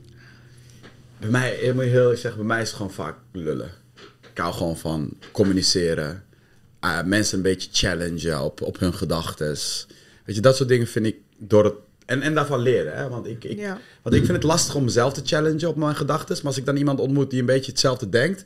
dan ga ik gewoon all in. Omdat ik denk van, ja, eigenlijk... dat is wat ik bij mezelf wil doen, maar dat is lastig. En dan kijk ik naar de argumenten die iemand geeft. En tegelijkertijd kom ik zelf ook met argumenten. En soms overtuig ik mezelf van een andere mening die ik daarvoor had. En dat soort dingen vind ik dan leuk om te doen. Ja. Misschien moet je ook energie maken dan. Of video's. Ja, ik, ik, heb, ik heb heel lang de, de, media een beetje... Want ik werd vroeger ook wel eens uitgenodigd om hier en daar praatjes te houden. Maar op een gegeven moment dacht ik van ja, weet je, ik ga gewoon even lekker uh, undercover mijn eigen gang. En uh, ik heb ook niks op social media gedeeld over al, al jaren, niet over politiek, maatschappij. Terwijl daarvoor was Ja. ik, elke uur was ik iets aan het delen. Dus ik ben op een gegeven moment een hele bewuste keuze gemaakt van... nu wordt het even me-time, eh fuck de maatschappij. En de afgelopen jaar ben ik wel weer een beetje dat ik denk van... oeh, het begint weer te kribbelen. Het begint weer te kriebelen, dus eh, wie Qua weet. politiek. Nee, gewoon qua maatschappelijke betrokkenheid, eh, meer uitspreken daarover... en ook eh, een standpunt publiekelijk durven in te nemen en dat verdedigen. Toch heb je het niet gedaan? Ik heb niks voorbij zien komen. Nee, maar dat, daarom zeg ik, het begint te prikkelen. Maar Ja. ik, eh, ik, heb, ik, ik hou het nog een beetje, een beetje in me. Ja, ik was dus ook door heel veel programma's gebeld of ik over de RAI en over Turkse verkiezingen wat wilde zeggen. Maar ik heb dus uiteindelijk ook nee gezegd. En dat is gewoon puur omdat ik geen zin heb in, ehm, ja, Ja, ja. Het is ook de format, hè. Ik bedoel, dit is gewoon chillen. ja, hier kan je gewoon wat, eh, Ja. wat langer door en zo. En daar moet je gewoon pap, pap, pap. Hierdoor kom- komen die gevechten in de RAI, weet je wel. En dan ga je weer haat krijgen en zo. Ja, toen, toen met de, de Turkse koep werd ik door Nieuwsuur gebeld. Omdat niemand durfde ene fuck te zeggen destijds. Ja, ik was ook toen... eh, En in de eh, toen dacht ik, moet ik het wel doen? Want ik heb ook familie en zo. En ik dacht, het kan tot een punt komen dat zij... eh, hè? ja, ik kwam Ja. Turkije niet in een paar jaar zo, daardoor. Ja, Omdat ik toen mijn mening had. Ja, daar, heel eerlijk, dat boeit me geen kut, weet je. Ja, als nee, je me niet wil hebben, dan ga ik wel naar een mooi ander land, Ja, weet ik je. precies dat. Maar ik dacht wel van, moet ik... Ik heb er wel even over getwijfeld. En uiteindelijk heb ik ja gezegd. En toen hebben ze uiteindelijk debat afgeblazen... omdat die eh, gast die dan de andere kant zou verdedigen... eh, uiteindelijk niet meer wilde. Ja, dat had ik de hele tijd. Ja. Dat is die hele periode. Ja, ik zeiden had dat alle tijd. nieuwsbedrijven, we kunnen niemand vinden om Ja. Erdogan de kant Ja. te verdedigen. Zeiden Ja. ze de hele dag dacht van, huh? Ja. Toen moest ik tegen een of andere taxichauffeur debatteren bij Ja. Vanix of zo. Ik dacht van, what the fuck? Hoe Ja. kunnen jullie niemand Ja, vinden? ik vind het prima hoor, maar dan... dan ja. Ja, maar het is gewoon niet leuk als, Ja. eh, als de Ja. andere kant een... eh, ja. Had je mijn debat bij op één gezien met die Turkse jongen van Gurush? Oh, ja, Oh ja, ja, ja, ja, die- die had ik ook nog eens. Die dag konden ze ook niemand vinden die Ja. volwassen was. Dus hadden ze maar hun eh, bij elkaar. Ja, maar er zijn er een aantal die ik ken... die ook nog gewoon prima het inhoudelijk kunnen verwoorden. Weet je wel? En, en Ja. die, die vinden ze dan niet. En dan gaan ze een of andere gozer vinden... die dan in drie zinnen... eh, weet je wel, het hele verhaal probeert te vertellen. En ook Ja. geen nuance heeft in zijn verhaal. En, maar dat is, dat, dat is natuurlijk op tv interessant. Alleen ja, dat is niet echt een debat dan. Dan kan je niet... Nee. eh, helaas. Je hebt er precies niks van geleerd uiteindelijk, eh, zeg maar, als, als gesprekspartners zijnde. Want het is gewoon, jij gaat jouw punt maken, ik ga mijn punt maken. Oké, ik kom er beter uit of jij komt er beter uit of zo. In die vijf minuten. Ja, op dat moment wil je er beter uitkomen, maar achteraf denk je wel van... ik heb liever een goed gesprekspartner Ja, die mij ook bij wijze van een paar keer corrigeert... dan dat ik helemaal over je heen loop. Want ja, dan is het een soort van een monoloog en dan af en toe Ja. knippen ze hem erin, zoiets. Precies dat. Daarom zei ik ook nee. Maar ik wou dus een comment voorlezen, want op onze vorige podcast hebben wij een comment gekregen. En dat ging vooral over mij. En iemand zegt dus, weet je wat het is? Het kan me echt niks schelen welke weg mensen inslaan voor zichzelf. Dus daar begint hij mee. en in de rest van de comment blijkt dat hij... heel veel schelen. Ja, precies. Doe je ding vooral. I don't give a fuck. Maar Voilà, dit meen ik oprecht uit de diepste dieptes van mijn hart. Daarom schrijf ik dit bericht. Moet ik het... Als mensen zeggen diepste diepstes van mijn hart, dan weet ik al dat je niet spoort eigenlijk. Maar hier komt het. Ik weet niet of ik medelijden of afkeer moet hebben voor jullie soort. Daarmee bedoel ik al, weet ik al niet wat hij bedoelt, mijn soort, maar oké. Je gooit anderen onder de bus, niet voor de bus, onder de bus om een aai over je bol, bol te krijgen. Dit gedrag moet toch tegen elke vezel in het lichaam indruisen. Waar is je eer, je waardigheid, je trots? Je hebt je eigen familie verkocht voor een beetje faam ook verkocht. Wat, wat bedoelt hij daarmee? Diezelfde faam die nu langzamerhand weg-appt, omdat je niet meer trending bent en je je nut vervuld hebt. Je dacht weliswaar dat je je- jezelf hiermee kon vereeuwigen, maar de realiteit slaat je nu keihard in je gezicht. En als dat nog niet is gebeurd, dan zal dat nog wel komen, gegarandeerd. De mensen bij wie je de erkenning zocht voor je verraad, moeten jou ook niet hebben. Je bent en blijft een kutturk voor hun. En als je zegt dat je het echt voor jezelf hebt gedaan, dat je echt in het duister zat vanwege je omstandigheid, waarom heb je dan die niet achter de schermen afgehandeld in plaats van openbaar? Zelfs vanuit hedonistisch, humanistisch en liber, liberalistisch oogpunt ben je een misselijk mens. Nou, dit was dus de comment. En ik wilde hier graag op ingaan. Bijvoorbeeld, je gooit anderen onder de bus om een ei over je bol te krijgen. Maar, maar, maar, maar merken mensen die dit soort berichten niet schrijven, dat andere mensen gewoon kunnen zien dat jij, dat die persoon die dingen voelt. Ja, dat precies. die persoon denkt dat anderen hem altijd een kutturk zullen blijven vinden. Het is projectie. Het is echt voor een ieder heel erg duidelijk dat dit projectie is. Ik denk serieus dat deze persoon ons kapot sympathiek vindt. En gewoon elke aflevering luistert. Want dat bleek ook. Als je naar zijn profiel gaat, dan heeft hij heel veel afleveringen terug. Was hij ook al aan het reageren, zeg maar. Dus hij kijkt alles, hij luistert alles. Hij denkt bij heel veel dingen: oh, dat is wel interessant. Of eh, misschien sta ik er ook zo in. Maar dan denkt hij... Oh mijn god, oh mijn god, ik ga beïnvloed raken. ja. En dan raakt hij in een soort stress. En dan gaat hij zo'n comment achterlaten van... Ja, ik weet niet of ik afkeer of medelijden met jullie moet hebben. Zo van, ik sta hier, ik heb de waarheid. Maar is dat dan gewoon niet vrij zijn in je eigen hoofd? ja. Gewoon niet, niet Ja. durven vrij te zijn, zelfs in je eigen hij gedachten. durft het niet, hij of zij. Ja. Diegene is zo bang. Die luistert gewoon elke aflevering trouw als een hond. Luistert hij elke aflevering. Hij raakt geïnspireerd. En eh, dan denkt hij van, weet je wat, ik eh, merk aan mezelf dat ik door hun beïnvloed ga worden. Dus laat ik me snel hiervan Alala, ben je altijd eh, zelf vrij in je hoofd geweest? Altijd? Ik? eh, Ja. Heb je Nee. altijd, altijd elke gedachte kunnen challengen? Nee, tuurlijk niet. Dus er, is- er komt een moment dat dat langzaam zich ontwikkelt. En misschien duurt de ontwikkeling bij deze Nee, bij sommige mensen man, komt het eh, niet, want het is een langer. hele... Nee, maar het is een hele gewaagde stap. Ja. Ja, ik weet niet eens kijk naar welke, wat voor video's hij allemaal kijkt. Salafi en eh, kanker in de Koran. Hoe je kanker kan genezen volgens de Koran. Met de bijengif, jongens. Alle wetenschappers in de hele wereld, ik weet dat jullie met z'n allen op zoek zijn. Het antwoord is bijengif. Bijengif? ja, om, om kanker te genezen, bijengif. Volgens, Staat dat eh, in de Koran? Nee, er staat in de Koran eh, blijkbaar van... What is in their stomach? A medicine for people. En daarmee bedoelden ze waarschijnlijk honing. maar eh, ze Oh, hebben, dat honing ze, kanker geneest. ze hebben dat gekoppeld aan een studie waaruit blijkt dat als je op kankercellen eh, eh, bijengif zet, dan gaan die kankercellen dood. Net zoals ze doodgaan als je er chloor op zet of whatever het erop zet. Oké, maar eh, bijzonder. Salafi-video's, Koran-video's, eh, eh, een, een DJ Khaled's volledige album. Ja, dan, sorry, dan neem ik je al niet serieus. Wanneer het, het enige liedjes, de enige muziek op je profiel is DJ Khaled. Om hem te verdedigen, het is wel God dit. Ja, en eh, hij heeft allemaal video's eh, geüpload van FIFA 23. Bewijs waarom FIFA 23 eh, scripted is. Maar is dit, is dit nu, wat proberen jullie nu te doen? Soort van, omdat hij een haatcomment heeft gegeven, even iemand helemaal uit elkaar trekken nee, nee, hier, nee. of? We reageren altijd op elke comment. Nee, ook op positieve comments. Nee, want kijk, het idee is dan, wanneer je zo die kri- kritiek geeft, dan schrijf je het vanuit een positie van, oh, Oh, ik ben sta, heilig. Ja, ik sta hier en jullie hebben gewoon, of eh, ja, laat ik weet niet, waarschijnlijk bedoelde hij ook mij, van jullie verkopen je, ja, jullie soort, zei hij, Ja. inderdaad. Vanaf dat moment ga ik al niet meer respectvol behandelen, zeg maar. Maar dan, dan zet je jezelf op zo'n hoge pedestal en dan zijn wij zogenaamd voor een aai over onze bol. Ik heb Ja, gewoon... maar ik denk dat hij gewoon niet beseft dat jullie ook echt zo denken. Dat dat gewoon voor jullie... Ja, precies. Hè, dat- dat hij hij ziet er een soort van- complot achter. Van ik schrijf het met een bepaald... eh, of ik doe dingen met een bepaald doel. Precies, maar hij ik denkt- meen ze niet of zo. Zij wil geld verdienen, dat Ja, is het ja, doel. ja. Eigenlijk denkt ze dit niet. Ja, hier staat ook, je dacht worden. dat je je kon vereeuwigen. Precies. Maar hoezo? Wat is vereeuwigen überhaupt? Jij dacht gewoon, ik ga een boek schrijven en dan ben ik set for life. Ja. Ja, maar dat, mijn boek blijft toch ook eeuwig bestaan. Dus ik heb mezelf toch ook En vereeuwigd. wat doet het financieel? Oh, zo. Technisch- gezien, nou, zolang het blijft verkopen. Ja, ja, ja, ja. Ik snap hem nu pas. En hij zegt ook, je, je ziet nu dat de faam langzamerhand weg-appt. Omdat je niet meer trending bent. Maar hoe moet je twee jaar na een boek nog trending zijn? Welke Ja, maar- schrijver is dat? Hij denkt, hij denkt ook dat je het daarvoor doet. Ja, precies. Maar dat hij denkt van... Voor oh, de ja, aandacht voor de eigenlijk. aandacht. En daardoor zegt hij van, oh, maar je bent aan het falen, want je, je krijgt nu niet meer de aandacht die je destijds hebt gekregen. Oh. Jij wilde gewoon je eigen verhaal vertellen, dat snapt hij niet.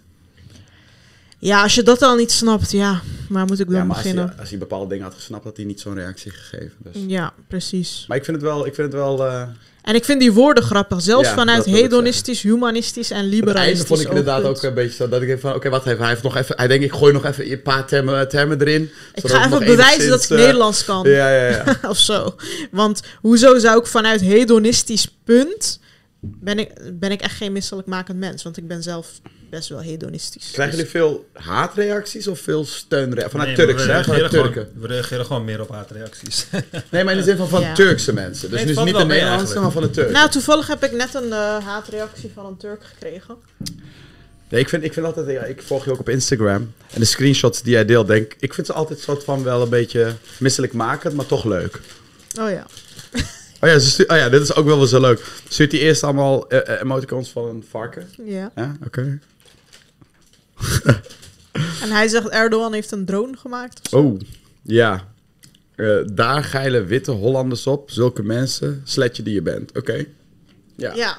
kijk, wat moet je hiermee, weet je wel? Negeren. Dat is wat ik ja, doe. precies. Maar wat zei hij ook alweer over Turkse studenten? Ik vond het echt grappig. Hij zegt lekker voor je met 10 A's. Heerlijk met 20 A's dat Erdogan heeft gewonnen. Hartje, hartje. Ook voor de Donald Duck vriendin van je. Maar ik weet nog steeds niet wie dat is. Wahahaha. Hoogopgeleide Turk. Hahaha. Hekelje piçlerine. Hoogopgeleide Dior. Hekelje piç. Dus dat is Atatürk. Om het, eh. om het Atatürk Oh. standbeeld te aanbieden of zo, weet je. Wauw. Hoe ver gaan ze in de gedachten hier? Ja. Turkse studenten maken nu beste drones met je dom. een soort van... Yo, ja, je komt wel een beetje dom over. Nee, maar Turkse studenten maken beste drones. Hoe bedoel je, ik ben dom? Turkse, mijn groep maakt ook drones. De slimme in mijn groep maken drones, oké? Dus Maar maken ze echt drones? Nee, natuurlijk niet. Ze maken drones, Bayraktar drones. Maar het zijn niet Turken die het maken. Het zijn bedrijven die dat maken.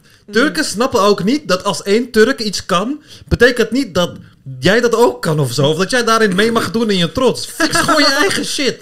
Dat is zo raar. Is alsof je zegt van... ja, maar wij hebben Nobelprijs gewonnen. Of wij hebben dit en dat uitgevonden. Nee, je hebt zelf niks gedaan. Je hebt letterlijk niks gedaan. Ja, Dus gewoon thuis met je lul in je hand te zeggen van ja, Turken hebben bouwen drones. Nee, slimme mensen die hard werken en gewoon intelligent zijn en naar school gaan, die bouwen drones. Voor de rest maakt niet uit of ze Turk zijn of Oegandees of weet ik veel wat.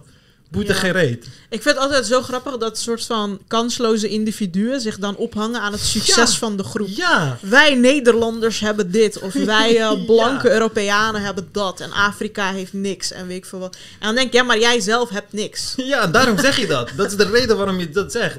Want succesvolle mensen doen dat niet. Succesvolle mensen zeggen dat soort dingen niet. Die zeggen niet eens over zijn eigen succes. Precies, Ja. precies. Laat staan over Precies. wat een ander... Ja, precies. Het is zo raar. Ja, maar ik, ik snap ergens wel dat je een soort van voldoening vindt in... eh, kijk, als mijn zusje bijvoorbeeld iets, iets, iets doet, dan denk ik, het is wel mijn zusje of zo. Ja. Maar daar houdt het dan ook wel mee op. Buiten mijn eigen familie vind ik dat dan niet, eh, Ja. al niet meer bijzonder. Maar mensen gooien het even van... Er zijn voor wat 75 miljoen Turken. ja Dus, 80 miljoen. maar dan alle slechte dingen die ze doen... daar, daar, daar ben je dan ineens niet... eh, Ja, zeg maar 99,99999% kan geen drones bouwen. Nee. Ja, niemand weet waarschijnlijk wat een drone is of zo. Simpel. Ja. Ja, maar opnieuw, voor deze persoon ook opnieuw, snap je niet dat andere mensen kunnen zien waarom je die dingen schrijft. Je schrijft ze uit onzekerheid. Je voelt je onzeker omdat Lale waarschijnlijk ergens zei Nee, ik denk niet van dat ze dat eh, kunnen zien. dom of weet ik veel wat allemaal. En dan dacht jij van nee, ik ben niet dom, want Turken, er zijn ook Turken die... Maar die überhaupt dat je bijvoorbeeld, je, je hebt je eerst aangevallen gevoeld, toen heb je de verkiezingen soort van eh, gewacht, van oké, wat gaat er gebeuren? En als mijn groep dan zou winnen, dan zou die waarschijnlijk geen bericht sturen. Mhm. En dan heeft zijn groep gewonnen en dan gaat hij heerlijk met 20 E's schrijven. Ja, maar hij zegt ook lekker voor je, maar wat is Ja, er naar jou gebeurd? Alsof ik nu huil of zo. Ja, of alsof het er is niks veranderd aan jouw leven. Niks. Gewoon precies. helemaal niks. Ja.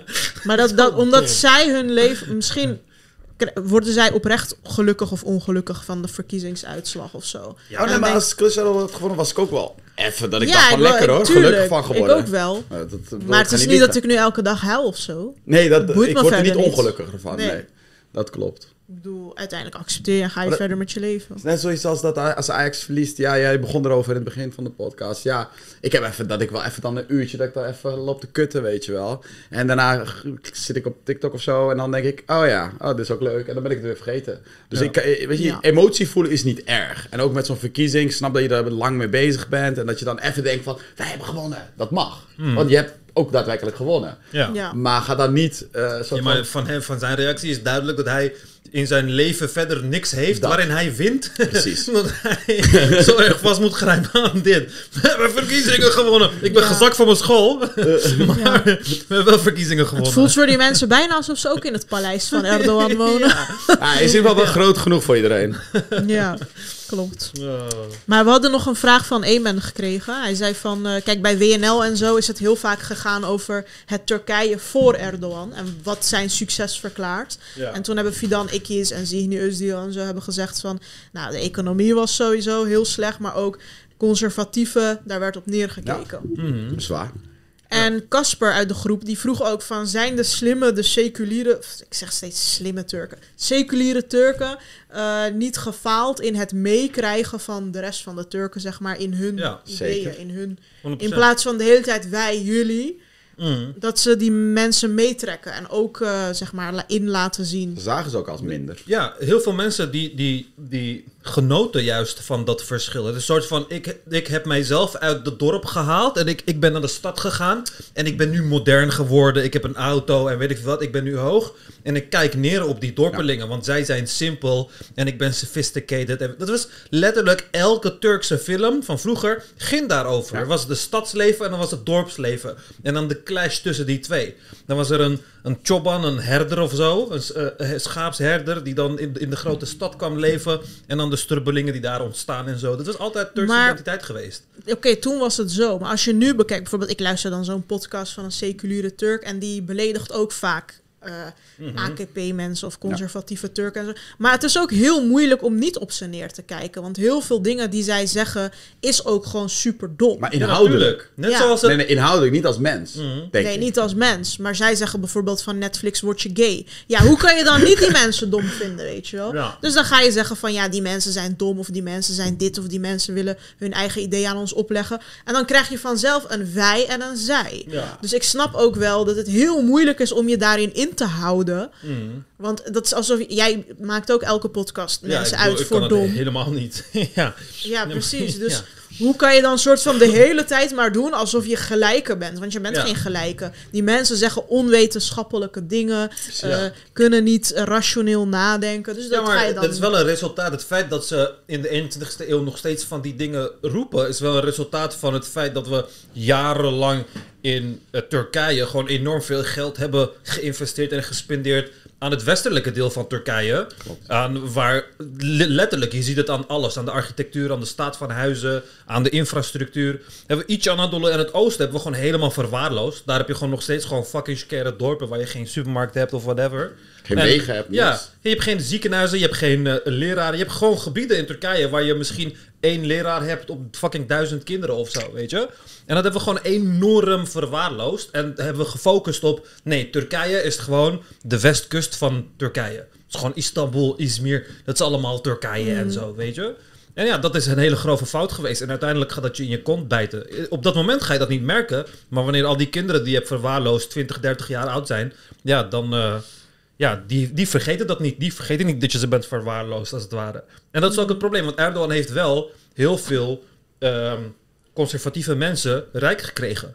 Want Ja. die, die liepen eerst een belemmering. Je moest eerst gewoon, als jij een groot bedrijf wilt hebben, wilde hebben, moest je bijna seculier zijn. Omdat die hele wereldje was er zo. Er werd neergekeken ook. En je hebt in Turkije heb je gewoon connecties nodig en weet ik veel wat om dingen voor elkaar te krijgen. En na Erdogan was dat niet meer zo. Tuurlijk, hij hielp Turkije uit de moeilijke economische periode. Dat ook allemaal IMF-leningen terugbetaald, dat soort dingen. Maar dat is, natuur, dat, hoort, dat is ook natuurlijk. Ik vind dat je Erdogan ook niet te veel ehm, recognition moet geven daarvoor. Want geen enkel land zit voor altijd vast in een, in een economische crisis of in een recessie of whatever. Dat, dat eh, verandert gewoon met het maakt uit welk leider jij hebt. Over het algemeen gaat het wel goed met landen na een tijdje als het eventjes slecht is gegaan. Maar hij heeft er wel voor gezorgd dat heel veel van dat soort mensen succesvoller konden zijn en zich niet meer zo laag hoefden te voelen. En dan had je opeens meiden in hoofddoek die dan een dragon fruit smoothie konden kopen en dat op Instagram konden zetten en zo, waar dat voorheen niet kon. En dat is voor de eigenwaarde van die groep natuurlijk Ja. enorm hoopvol. Ja, en- precies. Die konden ook mee, eh, meegaan in al die luxe dingetjes. Waar, eh, waar, want eerst voelde... ah ja, als je vroeger, in, voor Erdogan's tijd... wilde je niet met hoofddoek een Starbucks ingaan of zo. Daar voelde je niet thuis. Het was een andere wereld. Het was de wereld van de seculieren of zo, weet je? En nu is dat heel anders. En dus voor die mensen voelt dat wel heel erg eh, vrij en als vooruitgang. Ik en ben er ook soort blij dingen. mee. Ja, tuurlijk. tuurlijk. Het had ook moeten gebeuren. Dat Ja. alleen niet op deze manier Ja. moeten gebeuren. Weet je? En dat is het nadeel. En daarom is het heel erg belangrijk. Kijk, en dat ik, het probleem... Ik ik heb in Turkije, toen ik in Turkije woonde... Wanneer ik met mensen hierover praat... Dan zeg ik van, kijk... Jullie hebben die mensen onderdrukt... En nu betaal je de prijs, weet je? En niemand accepteert dat. Zij zeggen letterlijk, inclusief jongeren, zeggen ze letterlijk... Nee, we hebben ze niet genoeg onderdrukt. Daarom zijn ze, zijn ze er nog. Ja. Ja, maar dat is, dat is hetzelfde. Als, als jij tegen Hitler nu zou zeggen van... Ja, maar kijk, er zijn nog steeds Joden, dus je hebt het voor niks gedaan. Zou hij zeggen, ja, dus we, we hebben ze niet allemaal vermoord. We moesten ze allemaal vermoorden. Dat is wat hij gaat zeggen. Niemand gaat zijn eigen fout inzien. Het is gewoon van, oh nee, we hebben het niet fout gedaan. We hebben het gewoon niet goed genoeg gedaan. Ja, maar kijk, wa- wat zij denk ik niet besefte was dat, dat er heel veel, ja, klinkt misschien heel eh, verkeerd, maar heel veel bodies waren. Mhm. Dus, dus de gedachtegoed van de seculieren hè, waren, was, was, was de mainstream gedachtegoed in Turkije. Ja. Maar de echte mensen, hè, de, de, de, was in verhoudingsgewijs veel meer die heel anders dachten en heel anders leefden. Alleen die hadden geen stem, die hadden het geld niet, Ja. die hadden de macht niet. En wat Erdogan heel slim heeft gedaan, is langzamerhand die mensen ook macht geven, Ja. geld geven. Eh, publiciteit geven. En op een gegeven moment, dat merk je ook, volgens mij is dat nadat hij bij, eh, hoe heet dat, burgemeester van Istanbul is geworden, zijn toon veranderde ook. Mhm. Dat, dat hij werd ineens, hij, hij besefte van, oké, wacht even, nu moet ik ook de rest van het land meekrijgen. Dus hij werd wat meer Europees gericht, zeg maar. En op het moment dat hij de macht echt in handen greep, was het echt van, bam, oké, nee, Ja. ik deed eigenlijk van mijn eigen achterban, jongens. Ja. En we, gaan het, eh, we gaan het nu even over een hele andere boeg gooien. En, Ja. eh, en dat is alleen maar extremer en extremer en extremer geworden. En op een gegeven moment denk ik dat hij ook echt is veranderd naar... Oké, nu heb ik genoeg voor jullie gedaan, nu ga ik het allemaal voor mezelf doen. Mhm. Ja, dus even zorgen dat mijn eh, familie, mijn zakcentjes allemaal eh, eh, goed, eh, goed terechtkomen. En heel eerlijk gezegd, als ik, als ik hem was, dan was ik al lang weer weggegaan. Ik denk dat hij alles wel heeft bewerkstelligd wat hij wil bewerkstelligen. Ja. Alleen, eh, het- Nee, maar ja, hij ga- macht, macht kan je ook niet zomaar loslaten. Nee. Ja, vrienden van mij zeggen ook als hij weggaat, dan komen al zijn corruptiedingen en zo eh, naar boven. Ja. En dan moet hij. eh en Kılıçdaroğlu- Turkije's geschiedenis kennende gaan ze Gaat dan waarschijnlijk eh, in de ge- zeker gevangenis gebeuren, gooien, Ja, maar. precies. En Ja. Kılıçdaroğlu heeft ook zijn achterban beloofd dat hij alles naar boven gaat halen. Dus Erdogans grootste... Ik denk dat Erdogan niet eens meer zin heeft om te Nee, dat, dat bedoel ik. Ja. Maar dat hij Ja. gewoon puur de gevangenis niet in wil. Dus dan moet Ja. hij wel aanblijven, soort Hij heeft van. geprobeerd volgens mij een paar keer soort van de macht aan iemand te geven waarvan ik denk van ik kan jou vertrouwen, et cetera, et cetera. Maar dat is ook lastig, want uiteindelijk heeft iedereen zijn eigen agenda. Mhm. En hij wist niet zeker of hij dan uiteindelijk toch genaaid zou gaan worden waarschijnlijk. En toen dacht hij, weet je wat, ik blijf gewoon net zo lang tot ik dood ga. Ja, En er is een hele realistische kans dat dat ook gaat gebeuren. dat hij doodgaat. Nee, dat hij, dat hij aan de macht blijft totdat hij doodgaat. Ja, eh, Ja. er is een 100% kans dat hij doodgaat. Ja. Wanneer is de vraag? Ik bedoel, we gaan allemaal dood. Ja. Nee, Ja. maar dat, dat, ik vind het heel vreemd ook dat het zo zwart-wit geworden is in Turkije. Want ja, eh, ook in de Gezi-tijd en zo was dat wel zichtbaar. Maar nu is het wel heel extreem geworden. En wat, wat, wa- waar, ik weet niet waardoor dat is gebeurd. Ik volg het laatste jaar niet zo. Het is ook veel emotioneler, veel zwart-witter. Mhm. De toon van de debatten zijn heel anders. Eh, vroeger deden ze nog wel een soort van poging om nog een beetje... ja, maar nu zijn het gewoon karikaturen, zeg maar. Ja, Het zijn een soort van... eh, ook van al die Sokak-reportages, van die straatreportages, al die filmpjes die je hebt. Omdat mensen de hele tijd naar die dingen kijken, dan groepeer je mensen ook als dat. Zo van, oh, die conservatieve mensen zijn Ja. gewoon zo. En die seculiere mensen zijn gewoon zo. Maar ja, doe jij dat ook uiteindelijk... Eh, nee. Ja, ik hou me bijna niet bezig met Turkse politiek. Nee, in de zin van in gedachten. Als jij iemand hoort die op AK-partij stemt, waar heb je dan ook niet al... Oh ja, ik denk automatisch... Ja, maar kijk, ik ben heel erg judgmental. En ik vind... Kijk, ik ben heel extreem daarin, weet je? Ik heb een paar keer de podcast jij geluisterd. ook eh, ja. nu, nu vraag je eigenlijk van, judge jij ook mensen? Maar ja, ik ben gewoon zo van... Kijk, voor mij, als je antivaxer bent, zou ik je al neerknallen, zeg maar. als ik een overheid zou creëren. Dus eh, mijn... ik weet niet of het een goede We moeten jou niet aan de macht helpen. Nee. Dat is eigenlijk de conclusie. Nee, dat, dat sowieso niet. Ik weet ook heel erg goed dat ik niet aan de macht zou moeten. Want het is ook niet een fijne ding om aan de macht te zijn. Het is... eh, ik- ja, Maar het is ook niet fijn om andere mensen te laten beslissen hoe jouw eh, nee, leven eruit ziet. Maar daarom, ik ben, ik ben sowieso extreme voorstander van mensen niet laten regeren door mensen. Ik, denk, ik geloof gewoon dat geen enkel mens macht moet hebben over een andere mens, zeg maar. Ja. Dus, eh, Maar zie, ja. wat voor model zie je voor je dan? We moeten uiteindelijk iets, Nee, ja, iets ik, hebben. ik wacht uiteindelijk totdat we, totdat we een soort van AI. Hebben gegenereerd die dan kan eh, gelden, die iedereen even gelijk kan behandelen en die dan... Ik denk eh, dat AI ons allemaal uitroeit. Mm, ja, dat zou ook kunnen, maar ja, dat maakt niet uit. Dat maakt voor mij niet zo even. Je bent het dan waarschijnlijk toch niet meer. Waarschijnlijk weet hij wel iets goeds waarom hij ons uitroeit. Dat is vast wel een goede reden. Nou, zou op zich wel, ik, ik zou wel voor een model zijn waarbij dus inderdaad wel je alle informatie soort van in een AI gooit en die neemt een beslissing. Ja, maar dat is de bedoeling. Politieke beslissingen, kijk, maatschappelijke beslissingen. als er daadwerkelijk een god bestond Ja. die je vragen kan stellen Dat en je hebt antwoord, ja. Dan, dan, dan, ja. En dan heb je ook geen probleem van, oh, ik word onjuist bejegend of zo. Nee, het is gewoon een fucking god. Hè. We weten precies. Maar ga jij dan, als, stel dat er zo'n AI wordt gebouwd, Mhm. ga jij dan een soort van geloven in die AI als een god? Ja, als ik 100% zeker zou weten dat eh, het, het berust is op data, dan vertrouw ik daar gewoon op. Of weer wat meer op dan iets wat niet... Ja, want dan denk ik van, wat is slimmer dan dit? Niks. Ik ook niet. Dus ja, dat volg ik gewoon op. Daarom, want als een god echt zou bestaan, zou ik hem ook gewoon aanbidden. Of ja, Ja. niet aanbidden, maar volgen. Een echte volgen, god zou ja. waarschijnlijk geen aanbidding willen. Maar eh, zou ik hem gewoon volgen. Maar dan weet je niet echt dat dat meer de waarheid is dan wat je zelf vanuit je eigen perspectief kan bedenken. Ja, als hij, maar dan moet het wel echt op de, op de level van de god zijn. Kijk, iemand die ietsje slimmer dan jou is, dat is wat anders. Jij kan nog steeds gelijk hebben, weet je? Kijk, ik mag ietsje slimmer zijn dan iemand anders. Iemand die veel dommer dan mij is, maar die dom persoon kan nog steeds gelijk hebben. Klopt. Weet je? Maar bij een goddelijk verschil, dan is het zo'n gigantisch verschil dat het eigenlijk gewoon is tussen mij en een vorm. Maar de vorm kan nooit gelijk hebben en ik niet. Dus als AI dusdanig slim wordt dat jij denkt van dit is Ja, beyond zodra, me. het, zodra het superintelligentie is, dan eh, zou ik het gewoon eh, in alles meer vertrouwen dan mezelf. Ja, Misschien ik ook wel. ja. Interessante gedachte. Jij gebruikt AI toch ook ergens voor? Ja, la, la- ik ben al jaren geïnteresseerd in AI. Maar de ontwikkeling van AI, maar ook de eh, implementatie van AI in de dagelijkse realiteit. En eh toevallig de afgelopen tijd voor mijn, voor, voor mijn werk eh, onderzoek ik. Ja, gebruik je ChatGPT voor je werk? Ja, ik, ben, ik, ik, ben, ik, ben, ik werk bij een marketingbureau.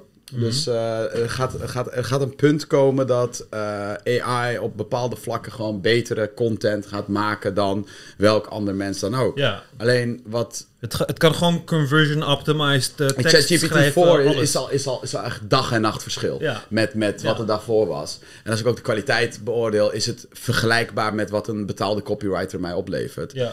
Alleen eh, de implementatie van AI eh, blijft nog altijd menselijk, vind ik. Want de, de input is Mhm. Ja. crucialer dan de output. Daarom hebben we nu allemaal prompt engineer functies Ja, overal gekregen, weet Ja. je? Van mensen die weten wat je moet schrijven, hoe je met de Ja. AI moet praten. cetera. Maar ook, eh, ook andere dingen kan je... Ik heb, ik heb bedacht van, stel nou dat ik een eh, Tinder profiel aanmaak... eh, en de bio laat schrijven door de AI, de gesprekken laat voeren door AI. Of het, dan, of het dan succesvoller is als dat ik dat zelf zou doen. Ja, uiteindelijk zou je dan... Kijk, als je, als je heel veel data zou... Als je toegang hebt tot Tinder's data... Ja? dan zou je een AI kunnen trainen die fucking fucking goed is in... eh, in eh, eh, Ik hoef dan alleen maar op te komen dagen voor dates. Eigenlijk technisch Ja, gezien. want kijk, eigenlijk heb je zo'n AI-model, wil je eigenlijk trainen met interacties die gelukt zijn en niet gelukt zijn. Ja. En dan kan hij gewoon kijken van, oké, dit dat- werkt bij deze persoon, dit werkt. Da- dat dacht ik dat ik dat soort van zelf zou kunnen gaan doen. Ja. Soort van, en je kan in de AI kan je zeg maar tone of voice bepalen. En bijvoorbeeld, ik, dacht wel van, nou, we moeten wel dicht bij mij blijven. Want als ik dan op een date kom, moet ineens een heel ander... Dus ik weet van mezelf, ik ben redelijk sarcastisch, weet Mhm. je wel. Maar ik ben ook redelijk direct. En ik praat ook heel veel. Dus ik dacht, als ik nou eh, AI meegeef dat dat de karaktereigenschappen Ja, ja. zijn... en dan antwoorden formuleren op de dingen die zij zeggen... ook vragen bedenken en het gesprek Ja. op laten komen... maar zelf niks doen, hè, gewoon copy-pasten de hele tijd. En ook als ik denk van, oeh... Moet ik, zou ik dit, eigenlijk zou ik dit nooit zeggen. Ja. En dan gewoon met, met honderd van dat soort gesprekken kijken. En dan zelf een honderd gesprekken doen. En dan kijken van wanneer ben ik effectiever. Ja. Dat zou een interessant model zijn. Want dat zou betekenen dat AI eigenlijk ja, leuker is dan dat ik ben. Ja, maar je, ja, je gaat ook op zo'n punt komen uiteindelijk. Ik heb eh, een AI-bot gebouwd voor onze groep op Telegram. En hij is super handig. Hij gaat vaak, doet hij mee in discussies. ja, ja, je stuurt een voice memo, dan reageert hij terug. En ik heb hem ingesteld als, eh, als chille gast uit Amsterdam. Dus hij zegt zo van, yo gast, eh, dat kan ik je wel uitleggen. en hij zegt altijd, snap je? dat is echt chill. Ja, maar je zal je verbazen, maar ik, ik, ben, een- ik ben een beetje aan het kloten natuurlijk met die AI-dingen en zo. Maar het is echt wel op een level gekomen nu. Dat ik echt denk van, hé, hey, ja, gewoon... Ik snap, ik, snap, ik snap waarom mensen er bang voor zijn.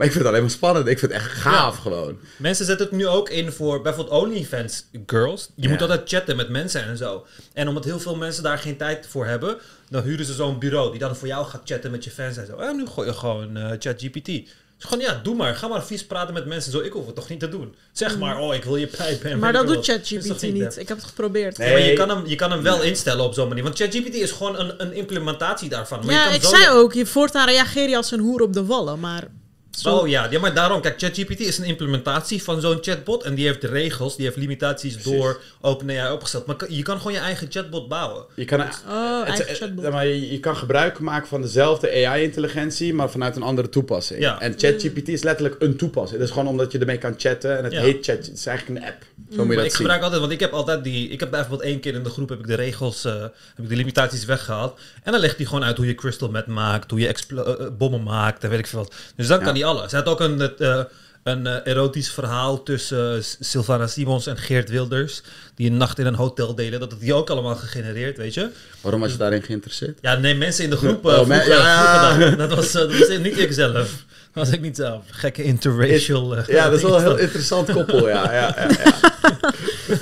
Stel Ja. je voor. Ja, het kan wel een soort van voor wereldvrede zorgen, toch? De twee verschillende Maar- kampen die bij elkaar Je weet dat beste seks meestal nadat je ruzie hebt gehad, toch? Ja, die haatseks. Ja, dus, dus zij zullen dan de beste seks hebben.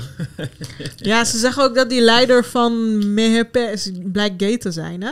Ja, dat zeggen ze van heel veel van die eh, mensen, ja. Dus als je... Turks politiek is raar, want dat begrijpen mensen ook niet. Turkse Nederlanders zullen nooit begrijpen dat soort van de maffia ook in de politiek zit of zo. En allemaal connecties heeft in de politiek, Ja, weet je? Dat is alsof, dat is alsof- de Tachi eh, fucking eh, vriendjes is met eh Baudet of zo. Ja, dat Dat kunnen we hier niet vicepresident is van... ja, kunnen we hier niet voorstellen. Maar daar loopt het gewoon... Ja. Daar loopt de Devlet en de Derin Devlet, zeg maar. De state en de deep state. Hand Is, ja, is gewoon hand in hand. Daarom kun je ook niks vertrouwen. Dat is zo lastig van Turkse nieuws volgen. Zodra ik denk van, mensen vertellen iets en dan denk ik van, oeh, dit Ja, maar- klinkt te veel als een conspiracy. Ja. Dit klinkt te veel als een conspiracy, ik, ga, ik hou het hierbij. Ja, Want ja. er is zo weinig informatie en zo Ja. weinig echt onderzoek, exposés en zo van investigative journalist kun je echt niet verwachten in Turkije. Nee. Je hebt ze wel, maar die hebben dan een blogje die niet wordt gelezen. Ja, ja precies. snap je? Dus Precies. Oké, dankjewel. Ik Ja. ga het hierbij afronden. Dan eh, hebben jullie rookpauze. Ja, ook echt pis. En eh, we doen trouwens altijd twee afleveringen achter elkaar. Ik weet niet of je bij de volgende er ook bij wil zijn. ik, eh, we gaan het zien. Oké, dankjewel en eh, tot de volgende keer. We de volgende keer. Doei doei.